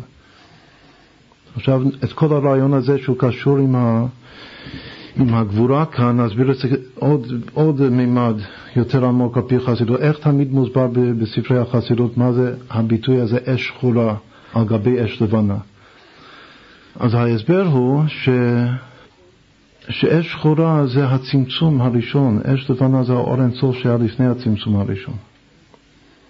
זה ההסבר בחסידות תמיד. אנחנו נסביר אולי בשיעור הבא, בעזרת השם, את מה זה סוד הרשימו, ומה זה שתי בחינות רשימו. אבל המושג, זה מושג מאוד חשוב, אש שחורה על גבי אש לבנה. האש שחורה זה הצמצום עצמו, והאש לבנה, הרקע הוא האור אינסוף. עכשיו, זה שהצמצום יכול להוות חלון, כמו שדיברנו אתמול על הצבע הקודש קודשים שבעין, שהוא החל, צבע החלון, האספקלריה המהירה שבעין, שדרך החלון רואים את הנשמה. ככל שהצמצום עצמו, החלל הפנוי, משמש חלון לראות דרכו את האור אינסוף, זה גם הפירוש צוהר שלוקחים צרה, לכאורה הצמצום זה צרה. עת צרה היא ליעקב, צרה זה בא מהדין, מהגבורה. אז כאשר עושים מהצרה הזאת צוהר, יש שני פירושים צוהר, או אבן יקרה שמאירה בתוך התיבה של נוח, או חלון שהוא עשה. אז כאן צוהר במובן של חלון. אז ככל שהצרה הופכת להיות צוהר, הצרה עצמה מהווה חלון לראות את השכר הטוב שמחכה בעתיד הקרוב לבוא. זה הלבן. שרואים את הלבן דרך השחור. אז עוד פעם, השחור זה הצמצום, צמצום זה מידת הדין. אנחנו הסברנו שהחוכמה נקראת אדום, היות שיש בה גבורה דעתיק, שזה גם כן בחינת צמצום. לגלות את נקודת המוצא של ההתהוות שתבוא. אבל כאן המושג אש שחורה על גבי אש לבנה זה גם כן האש של הצמצום, עוד פעם, השם עשה צמצום, זה חור שחור. איך הרמק קורא לאש השחור, המעניש? הוא אומר שזה אש של גיהינום. האש של גיהינום, הרמק אומר, זה לא אש אדומה, זה אש שחורה. עכשיו, ביחס לאור אינסוף שלפני הצמצום, השם ברא גיהינום אחד גדול. כל המציאות, כל העולמות, ללא האור אינסוף, ללא הרקע, את מי שאין לו, שרחמנות עליו, כמה אותו אחד מסכן שהוא לא יודע שהצמצום לא כפשוטו. עכשיו אם הצמצום כפשוטו, אז הוא חי בתוך אש של גיהינום. אבל אם הצמצום לא כפשוטו, כמו שהבר שם טוב לימד אותנו, אז הוא חי עם הלבן.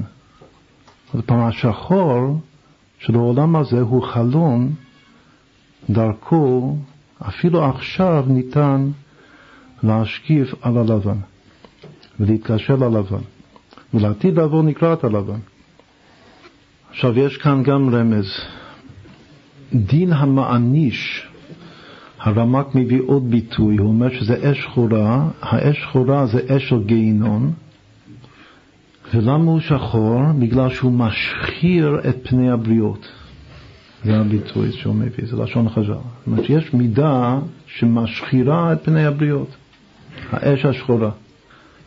אבל יש גם בחז"ל, לעומת זה, מה שאנחנו רוצים לעשות זה גם להמתיק או להעלות, להחזיר לקדושה גם את האש השחורה של הדין, של הגבורה. יש מאמר חז"ל שתלמידי חכמים בעולם הזה משחירים את פניהם כעורב. יש לכתחילה דרכה של תורה, לעתיד לבוא יש פסוק, ועליהו לי תרופה על הנחל הפילי שיצא מקודש הקודשים של בית המקדש. בסוף כתוב עליהו לי תרופה, מה זה המילה תרופה? זה לא משורש רפ"א, לא משורש רפואה. אז מה זה תרופה? אז חז"ל, יש כמה דרשות בחז"ל מה זה תרופה. יש דעה אחת שזה היתר פה עקרות. זה להתיר, זה תרופה כמו שאנחנו משתמשים במילה תרופה, אבל זה לא מהשורש רפואה, זה שורש אחר. וזה מרמז להתרת פרי עקרות, שהעקרה תלד לעתיד לבוא. יש דעה שנייה, התרת פרי אילמים. שמישהו אילם בעולם הזה על ידי שהוא יתום את העלה של העץ הפילי שגדל על שפת הנחל הפילי שיוצא מקודש הקודשים של בית המקדש לעתיד לבוא, אז זה, זה יפתח לו את הפה. אבל יש עוד דעה שאומרת שתרופה זה לא התרת פה, עוד פעם, יש שני פירושים שתרופה זה לה... להתיר את הפה, לפתוח את הפה, או את הפה העליון, שזה התרת הפה של האילם, או את הפה התחתון, התרת הפה של ההכרה. אבל יש עוד פירוש שתרופה זה תואר פנים, לא התרת פה, אלא תואר פנים, וכתוב שכל מי שמשחיר את פניו בעולם הזה, עתיד הקודש ברוך לתארהו, לתת לו תואר פנים, אור פנים, חוכמת אדם תאיר פניו לעולם הבא. אז גם כן יש עלה שאוכלים את העלה וזה נותן תואר פנים, אבל למי זה נותן תואר פנים? למי שהשחיר את פניו בעולם הזה. אז שוב, הרמק משתמש בביטוי הזה, משחיר פני הבריות רק לגריותא. זה דבר רע. אבל אנחנו מוצאים בחז"ל שיש לפעמים לכתחילה כזאת מידה. ומי שמשחיר את פניו בעולם הזה, הקדוש ברוך הוא מאיר את פניו ומתאר את פניו ועליהו לתרופה בעולם הבא. שהוא דן את עצמו בעולם הזה גם כן, הוא כל הזמן הוא דן את עצמו לקו חוב, דן את הזולת לקו זכות, הוא משפיע כמה שיותר לזולת, הוא חוסך מעצמו כמה שיותר, ועל ידי כך הוא משחיר את פניו על התורה. לא, כמו שאמרנו גם כן אתמול לגבי רב חסד, מה זה רב חסד? שהוא לא מסתכל על עצמו. אז גם במידת הגבורה, מי שלא מסתכל על עצמו, מי שלא דואג לעצמו, זה, זה הוא משחיר את פניו. אז יש לו שחור בעולם הזה, ומי שיש לו שחור בעולם, השחור הזה הטוב, שכאילו יש בזה קצת ענישה, אבל הוא-הוא שהשם מתאר את פניו לעתיד לבוא.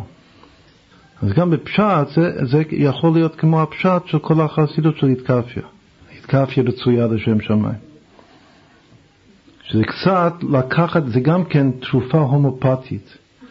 לקחת קצת אש הגיהינום, שזה אש שחורה, רק, רק טיפה, במינון מאוד מאוד קטן של גיהינום, ועם זה מרפאים את ה... כשלמדנו ההומופתי הסברנו שיש כמה פירושים במשפט טוב שברופאים לגיהינום. אבל אחד מהפירושים שאמרנו שהרופא הכי טוב זה אחד שיורד לגיהינום להוציא קצת מהאש של גיהינום בשביל, בשביל תרופה. בשביל לעשות תרופה הומופתית, אז הוא צריך לרדת לגיהינום ולהוציא משם. זה נקרא, הכי טוב של הרופאים הוא הולך לגיהינום בשביל, בשביל התרופה. אז גם כן, כמו שאמרנו, שהוא לא, הוא לא מסתכל על עצמו, הוא לא דואג לעצמו. אם צריך לרדת לגיהינום בשביל להמציא תרופה, אז הוא מוכן גם, גם לזה. אז עד כאן הגימל בחינות שיש בגבורה. האדום של הגבורה והתחילת של הגבורה והשחור של הגבורה. עכשיו, לגבי הזהב. אז לפעמים כתוב שזהב זה אדום של גבורה, אבל לפעמים, למשל בספר התניא, בפרק נ' זה כתוב בפירוש, כמעלת הזהב מן הכסף, שזהב זה שייך ל... ל לגבורות העליונות, באמת לגבורה, אבל כמו שהגבורות בשורש בבינה עילאה. לכן הזהב יותר יקר מאשר הכסף. בגלל שהכסף הוא בחסד במידות, מידות זה לשון מדידה והגבלה, כמו שהסברנו אתמול, והזהב הוא למעלה מזה, הוא בבינה. רק שמקור הגבורה, איזה מין ממוצע בין הבינה לבין הגבורה, ולכן דווקא על הזהב מתאים המשפט, הפסוק, אני בינה לי גבורה. עכשיו, איזה הצבע, הצבע העיקרי של הבינה לפי הרמק? הירוק. הירוק הכרתי. והצבע העיקרי של הגבורה, אדום. אם אומרים שהזהב הוא שורש הגבורה, שורש האדום בתוך הירוק, אז איזה צבע הוא? זהב. זה בדיוק הצבע של הזהב. כן. כן, זה בין ירוק מאחורי זה צהוב, זה איזה מין, זהב זה כמו צהוב, אבל זה צהוב מיוחד, זה לא הצהוב המוריקה של התפארת. תכף כשנגיע לתפארת נראה גם הקשר בין זה לבין הצהוב ממש של התפארת. אבל בין ירוק לבין אדום יש שם זהב באמצע, באיזשהו מקום. שוב, זהב זה לא אחד מגווני הקשת, זה הרכב מיוחד. בשביל להבין מה זה זהב צריך לבנות את המבנה השלם של הצבעים בשלושה ממדים, זה לא מספיק ממד אחד של, של מעגל הגוונים. גם יש גוונים שאתה לא יכול לראות אותם בתוך המעגל, צריך שלושה ממדים בשביל לייצג את כל הגוונים, כמו שהסברנו את זה בשיעור הראשון. הזהב הוא משהו, הוא שורש הגבורה, שורש האדום, בתוך הירוק של, ה, של הבינה. עכשיו, שוב, זה מאוד מאוד אה, מסתדר לפי תורת הצבעים, ממש אה, טוב. אמרנו בפעם הקודמת, באחד מהשיעורים הקודמים, הסברנו שיש שבעה מיני זהב, ואמרנו שיש בזה כמה שיטות. כתבנו שיטה אחת של, שמובא במדרש, השמות של שבעה מיני הזהב. אבל השיטה שהרמק מביא כאן, לא העתקתי את זה, מי שרוצה יכול להסתכל בתור הרמק. אז יש לו זהבים עם שמות אחרים. ואחד מהזהבים הוא זהב ירקרק. אחד מהשבעה מיני זהב, לא כתוב שום צבע אחר. שוב, יש זהב סגור וזהב שחוט וכל מיני זהבים. אבל בתור צבע, אחד מהשבעה מיני זהב לפי שיטת הרמק, הוא זהב ירקרק. שוב, זה על פי, כל המינים האלה זה על פי פסוקים מפורשים בתנ"ך. אז אם כן, יש זהב שהוא באמת ירקרק, שנוטה שהוא, שהוא לא כל כך אדום וטהוב, הוא נוטה לירוק. עכשיו, יש גם כן זהב שווה, הזהב שניתן למלך המשיח, נקרא זהב שווה, כמו מלכת שווה.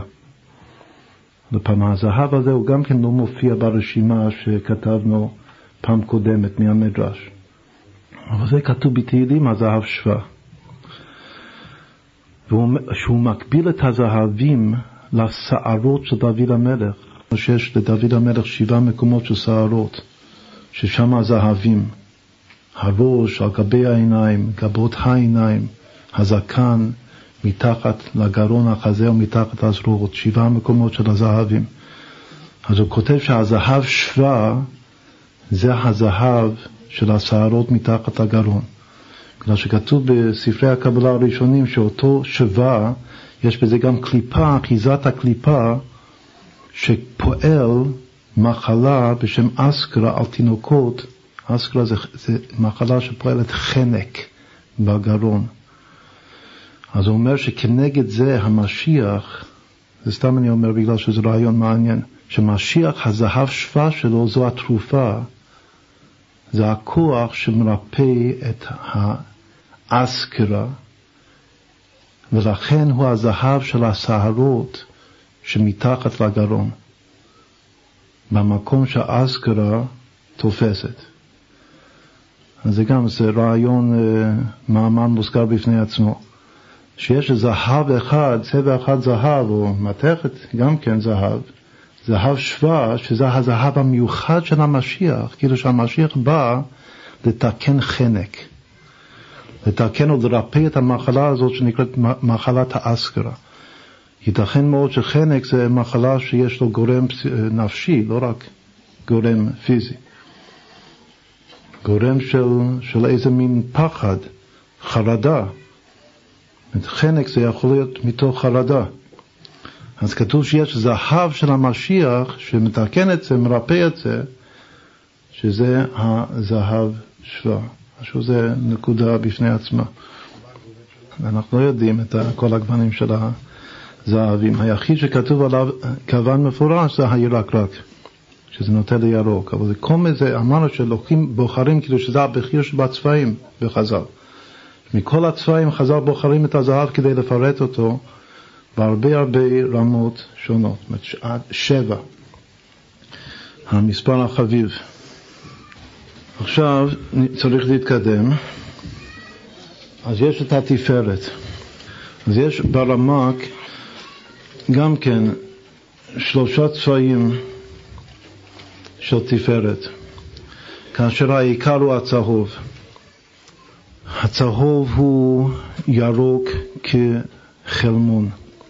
או לפעמים נקרא ירוק כקרקום, או לפעמים נקרא מוריקה. המוריקה וירוק כקרקום וירוק כחלמון זה הכל בחינות צהוב. וצהוב הוא כמובן הצבע של השמש, והשמש בדרך כלל בקבלה מזוהה עם התפארת, עם יעקב אבינו. יש פסוק בשיר השירים שגם כן בפרשת ויהי בכלות משה להקים את המשכן, שזה מה שבא בפרשת נשוא לאחר ברכת כהנים, זה בעצם הקריאה, קריאת התורה של חנוכה. מה שהיום סיימנו בתורה, פרשת הנשיאים. אז שמה זה המקום, זה גם כן מאוד רמז מופלא, גם אמרנו את זה, רק שהזכרנו את זה בשיעור הקודם, בשיעורים הקודמים לא הזכרנו שזו הקריאה של חנוכה. שבתוך הקריאה של חנוכה המדרש מעריך בצבעים. בתחילת פרשת הנשיאים, והוא מעריך אריכות מופלאה על הפסוק בשיר השירים, זאת אומרת, לקשר את הפסוק בשיר השירים עם תחילת פרשת הנשיאים. הפסוק, הפריון עשה לו המלך שלמה. יש הרבה פירושים מה זה הפריון הזה. הפירושים הראשונים, יש רשימה של הרבה פירושים. הראשונים זה שזה העולם כולו, שכל העולם כולו נקרא הפריון, שהשם עשה את העולם כמו קילה לכלה. הפריון זה קילה לחתן וכלה. הפריון עשה לו המלך שלמה, המלך שלמה זה המלך של השלום שלו, הקדוש ברוך הוא. מה כתוב בהמשך? עמודיו עשה כסף, לפידתו זהב, מרכבו ארגמן. אז יש כאן שלישייה. כסף, זהב, ארגמן. שלישייה חדשה. זה גם כן יהיה נוגע למה שתכף נראה פה, הרמק לא מביא את זה. זה היה בשבילו אסמכתה הכי הכי טובה שיכול להיות. בשביל הדעה, יש כאן דעה שתפארת זה ארגמן. זה שהתפארת יכול להיות ארגמן, מה זה ארגמן ביחס לצהוב? זה המשלים שלו.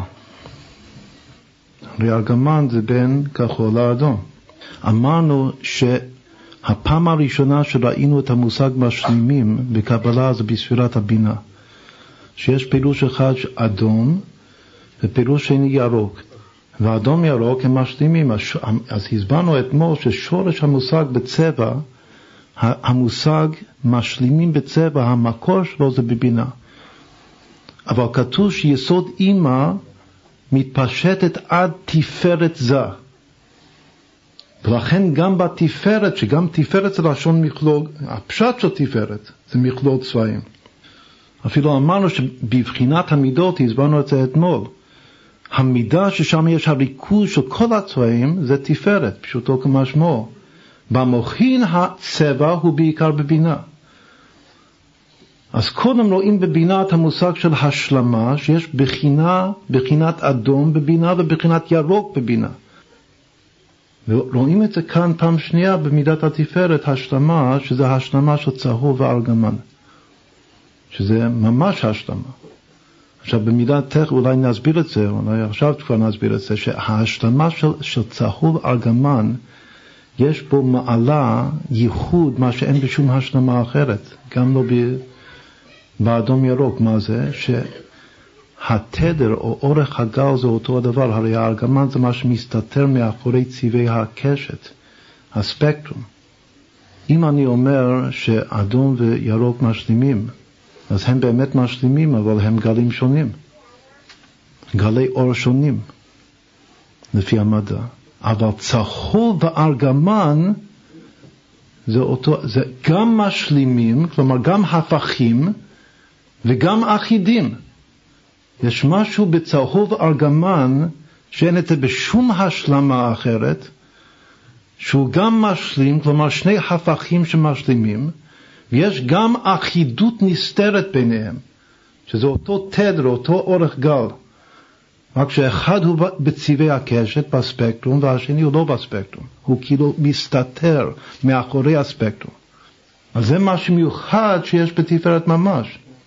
אז עוד פעם, זה שתפארת זה ארגמן, האסמכתה, שהרמק לא מביא אותו בכלל, זה אותו פסוק שעכשיו אמרנו שחז"ל מעריכים להסביר אותו, עמודיו עשה כסף, כסף זה חסד, רפידתו זהב, גבורה, מרכבו ארגמן, שלפי זה ארגמן זה צריך להיות תפארת. אמרנו שיש המון פירושים של חז"ל על הפסוקים האלה. מה זה מרמז? אחד מהם, שזה בעצם הראשון, שעמודיו עשה כסף, אלו עמודי השמיים זה השמיים, השמיים נמשלו לכסף. למה? בגלל שהם מחשפים את פני הבריות. מחשפים זה גם לבייש. הבהירות, הצבע של השמיים מבייש, מבייש את כל העולם כולו. זה הכסף שבו. הבהירות שבו, היופי, הטוהר שבו, הוא מחשף את כולם. הכסף זה השמיים, והזהב זה הארץ. למה הארץ זה זהב? אז חז"ל אומרים במדרש שהוא מוציא פירות שכל פרי, פירות צהובים, כל פרי אחרת, כמו שהזהובים, הכי הרבה מגוון יש בתוך זהב, כמו שעכשיו שמנו לב הרבה פעמים שחז"ל דווקא בוחרים בצבע הזה כדי לפרט אותו, והרבה גוונים פרטיים משנים בתוך הזהב, אז זה גם כן, יש פה מדרש, שהמדרש אומר בפירוש שהארץ מוצ... מוציאה פירות זהב. ברשימה של הזהבים, השבעה זהבים, שכתבנו אתמול, שזה כאן מחז"ל, מאותו מקום, בקריאת בקריאת חנוכה, פרשת הנשיאים, אז האחרון ברשימה זה זהב פרוויים. מה זה זהב פרוויים? אז חז"ל אומר ש, שהזהב פרה ורבה. זהב, אפילו בבית המקדש היה גפן של זהב שהיה מוציא, מוציא ענבים. זהב מפרה. פרווי מלשון פרו ורבו. אז חז"ל אומרים שהרפידתו של, ה, של השם במעשה בראשית, בקהילה, באפיריון שהוא עשה, המלך שלמה, רפידתו זהב זה הארץ שמוציאה פירות זהב. השמיים זה הכסף, הארץ זה הזהב. עכשיו, איך זה מתאים לחסד וגבורה? חסד זה יד ימין וגבורה זה יד שמאל. וחז"ל אומרים שנטע ימינו ברא שמיים, נטע שמאלו ברא הארץ. אז גם זה מכוון בצורה מובהקת. עוד פעם, חז"ל אומרים, נטע ימינו הוא ברא שמיים, נטע שמאלו ברא הארץ. אז כאן חז"ל אומרים שעמודיו כסף זה שמיים, ורפסילתו זהב זה ארץ. עכשיו מה באמצע, שזה התפארת? מרכבו ארגמן. עכשיו, מה, איך חז"ל אומרים, אם זה שמיים וזה ארץ, אז מה, מה, מה המידה האמצעית? אז חז"ל אומרים שמרכבו ארגמן זה השמש. המרכבה של השם, הרי השם גם כן נדמה לשמש, שמש הוויה. קודם כל זה, זה אומר בפירוש שזה תפארת, על דרך הקבלה. היות שהשמש הוא תמיד כנגד ספירת התפארת. וחז"ל אומרים שמרכבו ארגמן זה השמש. אבל הפלא הוא ש... שהוא מזהה את הצבע, צבע הארגמן עם השמש. איזה צבע אני בדרך כלל מזהה עם השמש? צהוב. אז עוד פעם, אז איזה מין תפיסה זאת? מי רואה ארגמן בשמש? עוד פעם, אם השמש זה צהוב, אז מי רואה, אמרנו שארגמן הוא, הוא המשלים האידיאלי. יש מושג, כדי להבין את זה טוב, יש מושג שעוד לא דיברנו עליו, זה נקרא after image. after image, לשימו, חשבנו שנאמר את זה בשיעור הבא, אבל כבר זה הגיע לנו עכשיו בשיעור הזה. חשבנו בשיעור הבא בגלל שרצינו לעשות after image של כל הסמינר. אבל uh, כבר אפשר להתחיל עם ה-after image עכשיו. עוד פעם, יש מושג שאדם רואה משהו ואחרי שהדבר שהוא ראה חולף ממנו, מהעיניים שלו, הוא ממשיך לראות אותו, אפילו לא שהוא סוגר את העיניים. יש שהוא סוגר את העיניים, ממשיך לראות אותו, ויש שהוא אפילו לא סוגר את העיניים, ממשיך לראות אותו. עכשיו צריך להבין את התופעה הזאת מבחינה פיזיולוגית, מה קורה כאן. למה אדם ממשיך לראות משהו אחרי שהוא חלף? עכשיו, קודם כל, מה, מה יכול להיות המושג הזה בקבלה? זה הרשימו.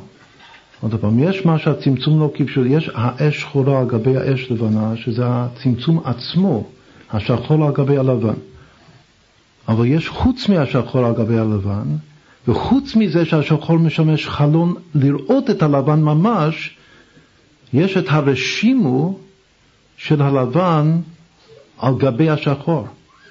עוד פעם, יש לבן, יש שחור על גבי הלבן, ויש הרושם של הלבן על גבי השחור. הרושם של הלבן על גבי השחור, זה שוב, זה לא מה שהשחור מסוגל לשמש חלון לראות דרכו את הלובן האינסופי. עכשיו, כדי להבין את זה, צריך להגדיר עוד, עוד כלל ידוע במדע או ברפואה גם, ש-after image זה יכול להיות שני דברים הפוכים. יכול להיות רושם שאחרי שהמציאות שאתה רואה, ראית, המציאות חלפה, אתה ממשיך לראות אותו בדיוק באותם גוונים כמו שזה היה. או ההפך. יש שני סוגי after image, כלומר רשימו. או שאתה רואה את הנגטיב. מה הכוונה שאתה רואה את הנגטיב? שבמקום לבן אתה רואה שחור, במקום שחור אתה רואה לבן, ובמקום כל צבע אתה רואה את הצבע המשלים שלו. עכשיו אי אפשר להסתכל על השמש, אפשר לקבל מהשמש רושם.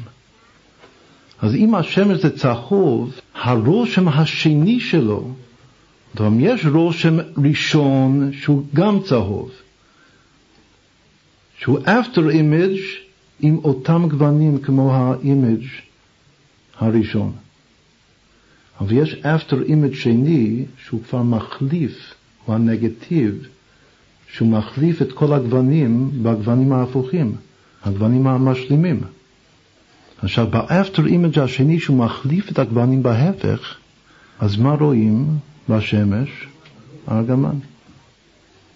אז הנה זה פלא, מרכבו ארגמן, חז"ל דרשו את זה על השמש. עכשיו, מה, מה ההסבר בקבלה בחסידות לשתי הבחינות רשימו? האם ראינו בקבלה שיש שני רשימו? אז התשובה הוא שבהחלט כן, זה בדיוק מה שכתוב בקבלה, שיש שתי בחינות רשימו. בגלל שמה זה הרשימו? זה הראש של מה שהיה, גם במה שהיה היו שתי בחינות, היה אור אינסוף, וגם היה שיעור, מה שהשם שיער בעצמו בכוח, כל מה שעתיד להיות בפועל. אז כאשר יש צמצום, שני דברים מתעלמים, גם האור וגם המחשבה, התוכנית שהיה בכוח, שזה נקרא המלבוש, עולם המלבוש, או תיאור כסלמה. או שוב בלשון החסידות זה נקרא השיעור, מה שהשם שיער בעצמו בכוח, כל מה שעתיד להיות בפועל בתוך אור אינסוף, לפני הצמצום. אז כשיש צמצום יש שני רשימו. יש רשימו של האור הראשון, ויש רשימו שני של, ה, של, ה, של השיעור. לפעמים כתוב בספרי הקבלה, כמו עמק המלך ועוד, שזה סוד המילה אוויר. לאחר הצמצום החלל לפעמים נקרא אוויר, אוויר קדמון, לאחר הצמצום. והאוויר זה אור, יוד. אז הוא מסביר שאור זה הרשימו של האור, ויוד נקודת הרשימו של השיעור. יוד זה אות אחת. היוד של אוויר הוא נקודת הרשימו שמה שהשם שיער בעצמו בכוח כל מה שעתיד להיות בפועל. בעוד שהאור של אוויר הוא הרושם של האור הראשון שהיה לפני הצמצום. עכשיו, מה שמתקבל על הדעת הוא לומר שהרושם של האור הוא לא מחליף את הצבעים. הוא נשאר, זה עדיין, זה, קודם זה היה אור, גם עכשיו זה אור. אז זה רושם שהוא עדיין באותם צבעים. אבל הרושם של השיעור הוא עושה נגטיב. והוא מחליף את כל הצבעים בצבעים המשלימים שלהם. השיעור הזה הוא נוגע במיוחד לסוד השמש, שזה, שוב, זה בסוד יסוד אימא. איפה השיעור? השיעור זה בתוך הלחם של אימא. ויסוד אימא מתפשט עד לתפארת זה. ושם זה המציאות של השמש. הרושם של השמש, אז באמת באופן מיוחד הוא מתאים ליוד שבתוך האוויר. גם יש אוויר כמו האוויר, אז איזה יוד נמצא, מסתובב בתוך האוויר? השמש. והשמש באמת הוא עושה רושם, הוא משאיר רושם עיקרי של ארגמן. לכן חז"ל דרשו על מר... מרכבתו ארגמן זה השמש. עכשיו שוב, כל הדברים האלה, אלו אסמכתות מופלאות ביותר למה שהרמק מביא מבלי שום הסבר. שהוא אומר שיש מקובלים ראשונים שאמרו ש... שתפארת זה ארגמן. למה הם, איך הוא מסביר את זה? למה, למה אמרו שתפארת זה ארגמן? בגלל שהארגמן מקובל בקבלה הוא ראשי תיבות של כל שורת המלאכים העיקריים. כמו שתפארת זה מגוון, זה מיזוג של כל הגוונים, אז ככה ארגמן זה אותיות, ראשי תיבות אוריאל, רפאל, גבריאל, מיכאל, נוריאל. אז יש את כל המלאכים, כל המלאכים זה כל הגוונים, יש בתוך המילה ארגמן. איך זה כנגד הספירות? מיכאל זה ספירת החסד, גבריאל הוא ספירת הגבורה, אוריאל ונוריאל זה מה שהתפארת ממוצע בין החסד לבין הגבורה. ככה מוסבר בקבלה, שמה שהתפארת קשורה לחסד, לצד החסד, זה נקרא אוריאל. מה שהתפארת לצד הגבורה זה נוריאל, והמלכות רפאל. עכשיו, האמת, כאשר מתבוננים, כולם, הרי בדרך כלל אומרים שרפאל הוא בתפארת. כאן הוא כותב שרפאל הוא מלכות, אוריאל ונוריאל, שתי הבחינות של התפארת עצמה, הימין והשמאל של האמצע, מיכאל הימין האמיתי וגבריאל השמאל האמיתי. אבל היות שכל זה מרוכז או מצטרף יחד בתוך הארגמן של התפארת, סימן שכל המלאכים האלה הם כולם מל, מלאכי התפארת. מה שכל הפרצוף הזה הוא בתוך התפארת. שיש החסד שבתפארת והגבורה שבתפארת, זאת הלבן של התפארת והאדום של התפארת, שזה מיכאל וגבר, וגבריאל, ויש הצהוב נוטה ללבן או לכחול, שהוא אוריאל, ויש הצהוב נוטה לאדום, שהוא נוריאל, ויש הצהוב נוטה לתכלת, או לארגמן, שהוא רפאל. אז באמת מה שיוצא כאן, שהמלאך רפאל, שהוא המלאך של הרפואה, כתוב שכל רופא, כמה שהוא גדול, ככה יש לו מלאך רפאל גדול שהולך איתו ביחד. שהוא לא יכול לעשות שום דבר בלי רפאל. עכשיו רפאל יוצא כאן שהוא המלכות של התפארת. ומה זה בצבע? זה צהוב נוטה לארגמן או לתכלת. ככה זה יוצא. אבל סך הכל, הכל ביחד נקרא ארגמן. כל הגוונים ביחד, כל הארגמן. אז אם כן, יש פירוש אחד בקבלה של תפארת הארגמן, היות שהוא מכלול של כולם, כל המלאכים. הפשט צהוב. תפארת זה צהוב. בתור צבע יסוד הוא הצהוב, שבין הכחול לבין האדום. אבל ה after image שלו, המשלים שלו זה הארגמן, מרכב, מרכבתו הארגמן.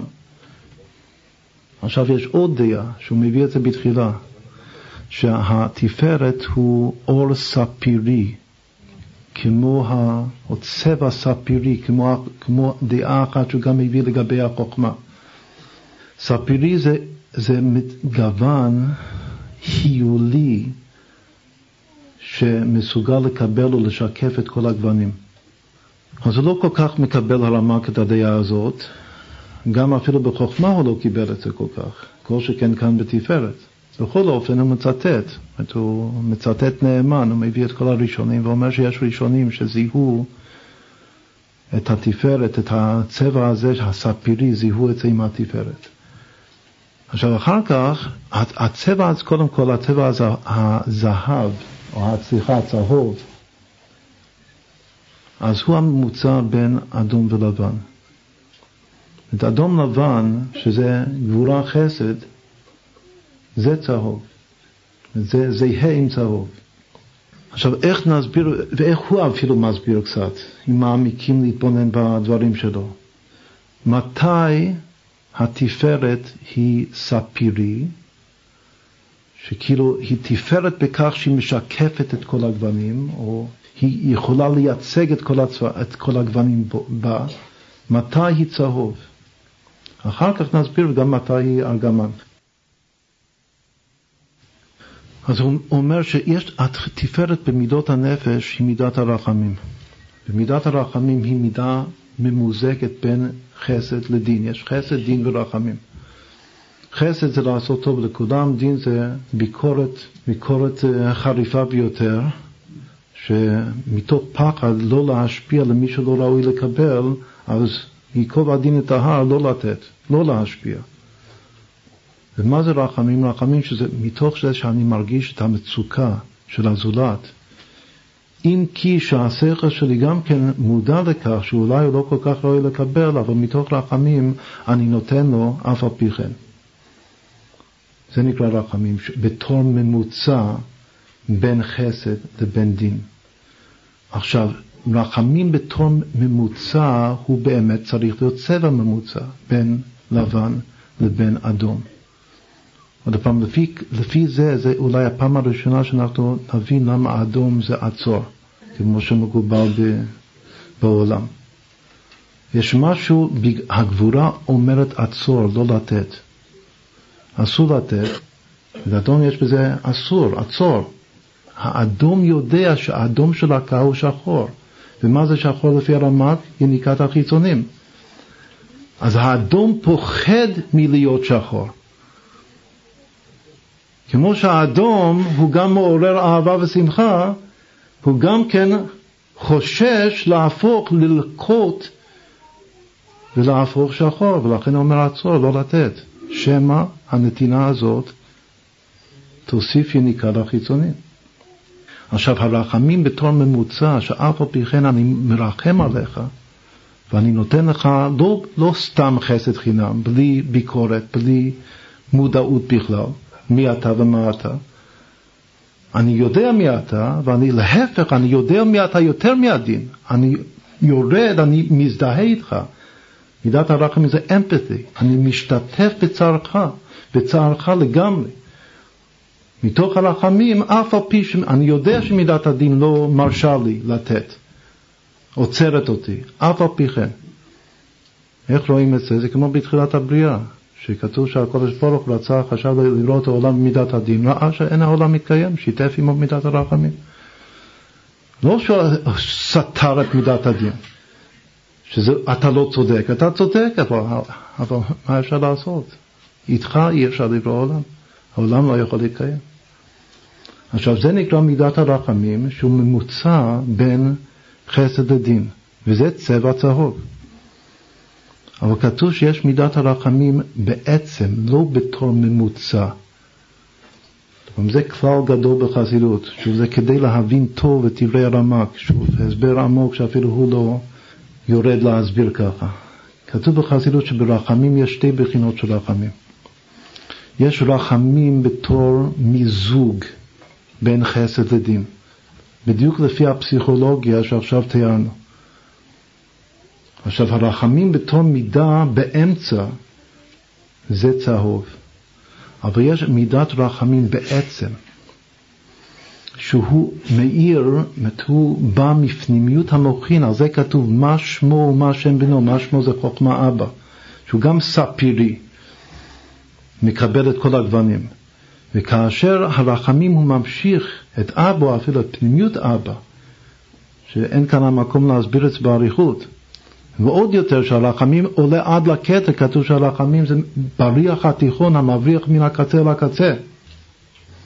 אז שמה הוא מקבל את הצביון העצמי שלו, לא רק בתור מכריע ביניהם. עוד פעם, יש רחמים בסוד הכתוב, יבוא הכתוב השלישי ויכריע ביניהם. ויש רחמים לא בתור מכריע בלבד, אלא בתור דבר עצמי בפני עצמו. עכשיו, הדבר העצמי בפני עצמו הוא מופשט, והוא באמת מקבל את כל הגוונים, הוא ספירי כמו אבא, שהיה ספירי לפי פירוש אחד. וסוד הפסוק, מה שמו מה שם בנו. הרחמים שהוא באמצע הוא צהוב. הרחמים, הרושם של הרחמים הוא ארגמן. הנגטיב שהוא אחיד איתו הוא ארגמן. אז עוד פעם, איך נבין עכשיו את כל הדעות לגבי התפארת? יש השורש העצמי, העצמי של הרחמים, הוא הצבע הספירי. יש התכונה הזאת של רחמים היא עושה שלום. עושה שלום במלומיו בין אש ומים. מה שרחמים עושים שלום זה הצהוב. הרושם של הרחמים על המציאות, או לפעמים איך המציאות רואה את הרחמים, זה ההרגמה של הרחמים, שזה המשלים שלו. אז אם כן יש, ראשית, אני חוזר, ראשית מושג ההשלמה בצבעים זה בבינה, אבל תכליתו זה כאן בתפארת. שאין לך משלים מובהק כמו צהוב וארגמן. עכשיו, נצח, אמרנו שנצח והוד כמעט שהוא לא כותב על זה שום דבר, הוא רק אומר שנצח זה יותר ימין מאשר שמאל, ולכן זה יותר לבן מאשר אדום, וההפך זה הוד, זה יותר, יותר אדום מאשר לבן, אבל הוא לא מסביר צבעים מפורטים, ולכן אנחנו נשאיר את זה לשיעור הבא, מה זה נצח והוד. אותו הדבר ביסוד גם כן, הוא לא אומר כל כך הרבה. הוא אומר ש, שגם כן יש דעה אחת במקובלים הראשונים שיסוד הוא ספירי כמו תפארת, וגם כן, כמו שתפארת זה, זה צהוב, כלומר ירוק במובן של צהוב, אז גם יסוד צריך, זה הכל מתוך הספרה שלו, אז גם יסוד זה צריך להיות משהו באמצע, איזה מין צבע בין, בין אדום לבין לבן, איזה מין צהוב כזה, אבל יותר אדום מאשר תפארת. בגלל שכתוב שתפארת היא נוטה יותר לימין, ויסוד זה הם שניהם באמצע, אבל תפארת קצת יותר נוטה לימין, ויסוד קצת יותר נוטה לשמאל. עכשיו זה הכל מה שיש לו לומר על יסוד. כן, וגם עוד, עוד דבר הוא אומר, שיכול להיות שיסוד זה, היסוד נקרא קול, כי חול בשמיים ובארץ. היסוד מקבל את כל הגוונים, החמישה גוונים הראשונים, על מנת להשפיע אותם למלכות.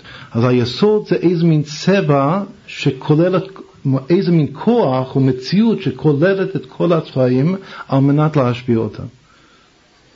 עכשיו המלכות, כשאנחנו עוברים למלכות, אז גם התכונה הראשונה של המלכות שהיא מקבלת את כל הצבעים. שניהם נקראים, נקראים כל, היסוד נקרא כל והמלכות כלה.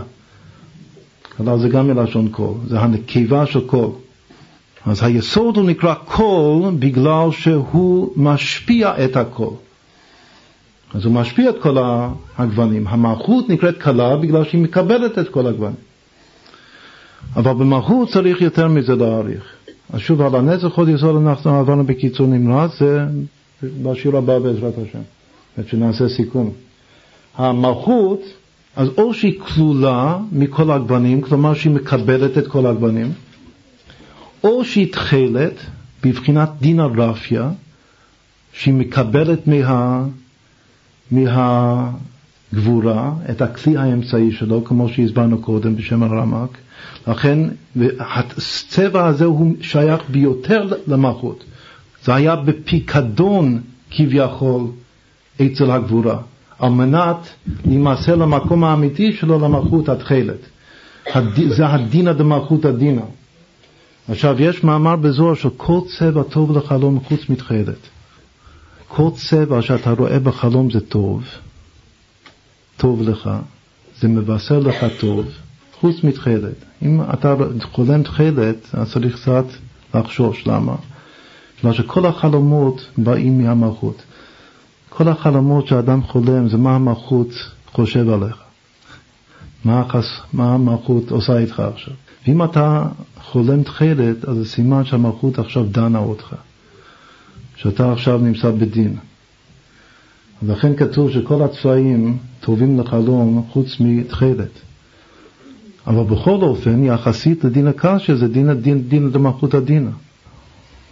זה עוד פרט מעניין. עכשיו יש במלכות גם שהיא לבנה. יש חמה ולבנה. אמרנו שחום, הצבע חום הוא צהוב עמוק.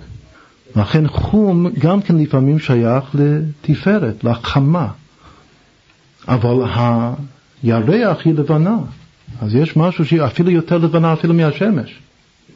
יש משהו לבן לבן במלכות, שזה בחינת הירח. אחר כך יש הלבושים. של המלכות, שפסוק אחד אומר שש וארגמן לבושה, שש זה הבגדי מלכות של יוסף, היבש אותו בגדי שש. ארגמן זה הבגדי מלכות של דניאל. תכלת זה באמת הלבושי מלכות של מרדכי. בלבוש מלכות תכלת וקור. על דניאל כתוב ארגבן הילבש, שהוא לבש ארגמן. על יוסף כתוב שש. עוד פעם, יוסף הצדיק ויבש אותו בגדי שש. דניאל הצדיק, שהוא גם בחינת משיח לפי חז"ל, אם מתיה הוא כגון דניאל, אז הוא לבש ארגמן. גם אצל מרדכי יש ארגמן בהמשך, בוץ וארגמן. אבל עיקר הלבוש מלכות של מרדכי זה תכלת. עכשיו כל הצבעים האלה הם שייכים למלכות. התכלת זה הכי חיצוני כמו שהסברנו את זה כבר בשיעורים הקודמים. שעל גבי השש והארגמן יש עוד לבוש תכלת. אז אם כן, קודם, בתוך הלבושים גופה זה שש לבן, השש זה קשור עם הלבנה, עוד דבר הוא אמר על הלבן של המלכות, שזה חברה וכל גוונים מנצצים בה. זה גם כן איזה, שהיא בתור אור חוזר, הכל מתנוצץ, רואים ניצוצות של כל צבע מתוך הלבן של המלכות. עכשיו יש עוד אחד, לא כתבתי את זה כאן, זה גם שחור. השחור של המלכות זה מה שלט לה מגרמה כלום. השחור של הכתר, המדרגה הכי גבוהה של שחור בכתר זה היה שהכתר הוא בבחינת הוא קם אי וקדם עילת העילות.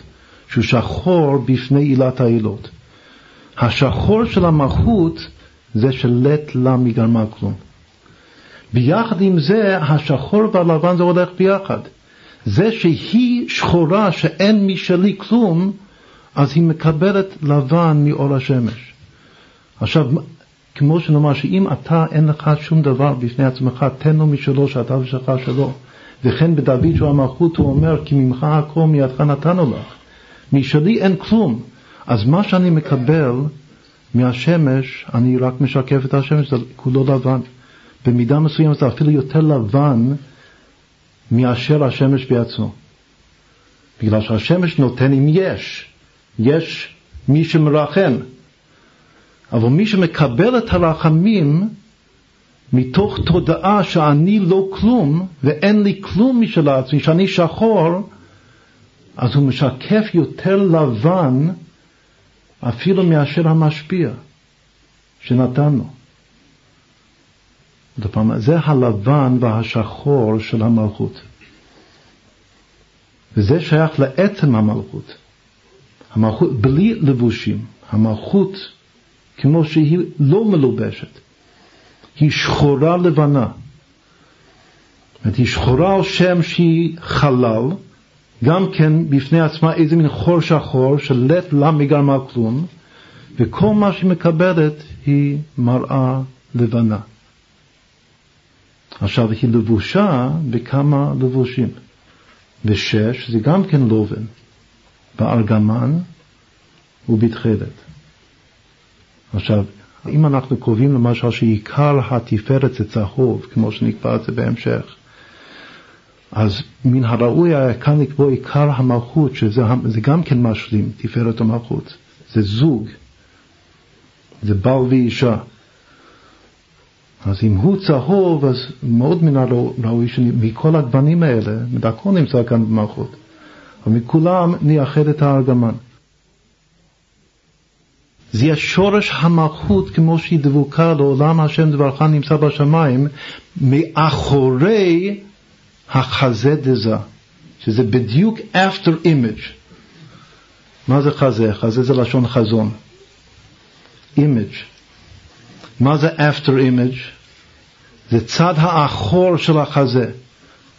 מי נמצא בצד האחור של החזה של התפארת? שזה ה-after image של התפארת. המלכות נמצאת שם. זה ראשית מקום עמידת המלכות. אז שמה זה ארגמן. שוב, אם כן, אם כן הפירוש הכי הכי יפה לצבע ארגמן זה בסוד הפסוק לעולם השם דברך ניצב בשמיים. שורש המלכות מאחורי החזה של זעיר אנפין. ואחר כך זה נעשה הצבע של המלכות, הארגמן. איך שהמלכות מופיעה ברבים, הלבוש העיקרי. לפעמים דניאל הוא בחינת משיח, ועליו כתוב שהוא בארגבנה ילבש. אז אם כן, עכשיו בקיצור אנחנו עברנו על כל הספירות לפי פירוש הרמק. בעזרת השם אחר כך השיעור המסכם.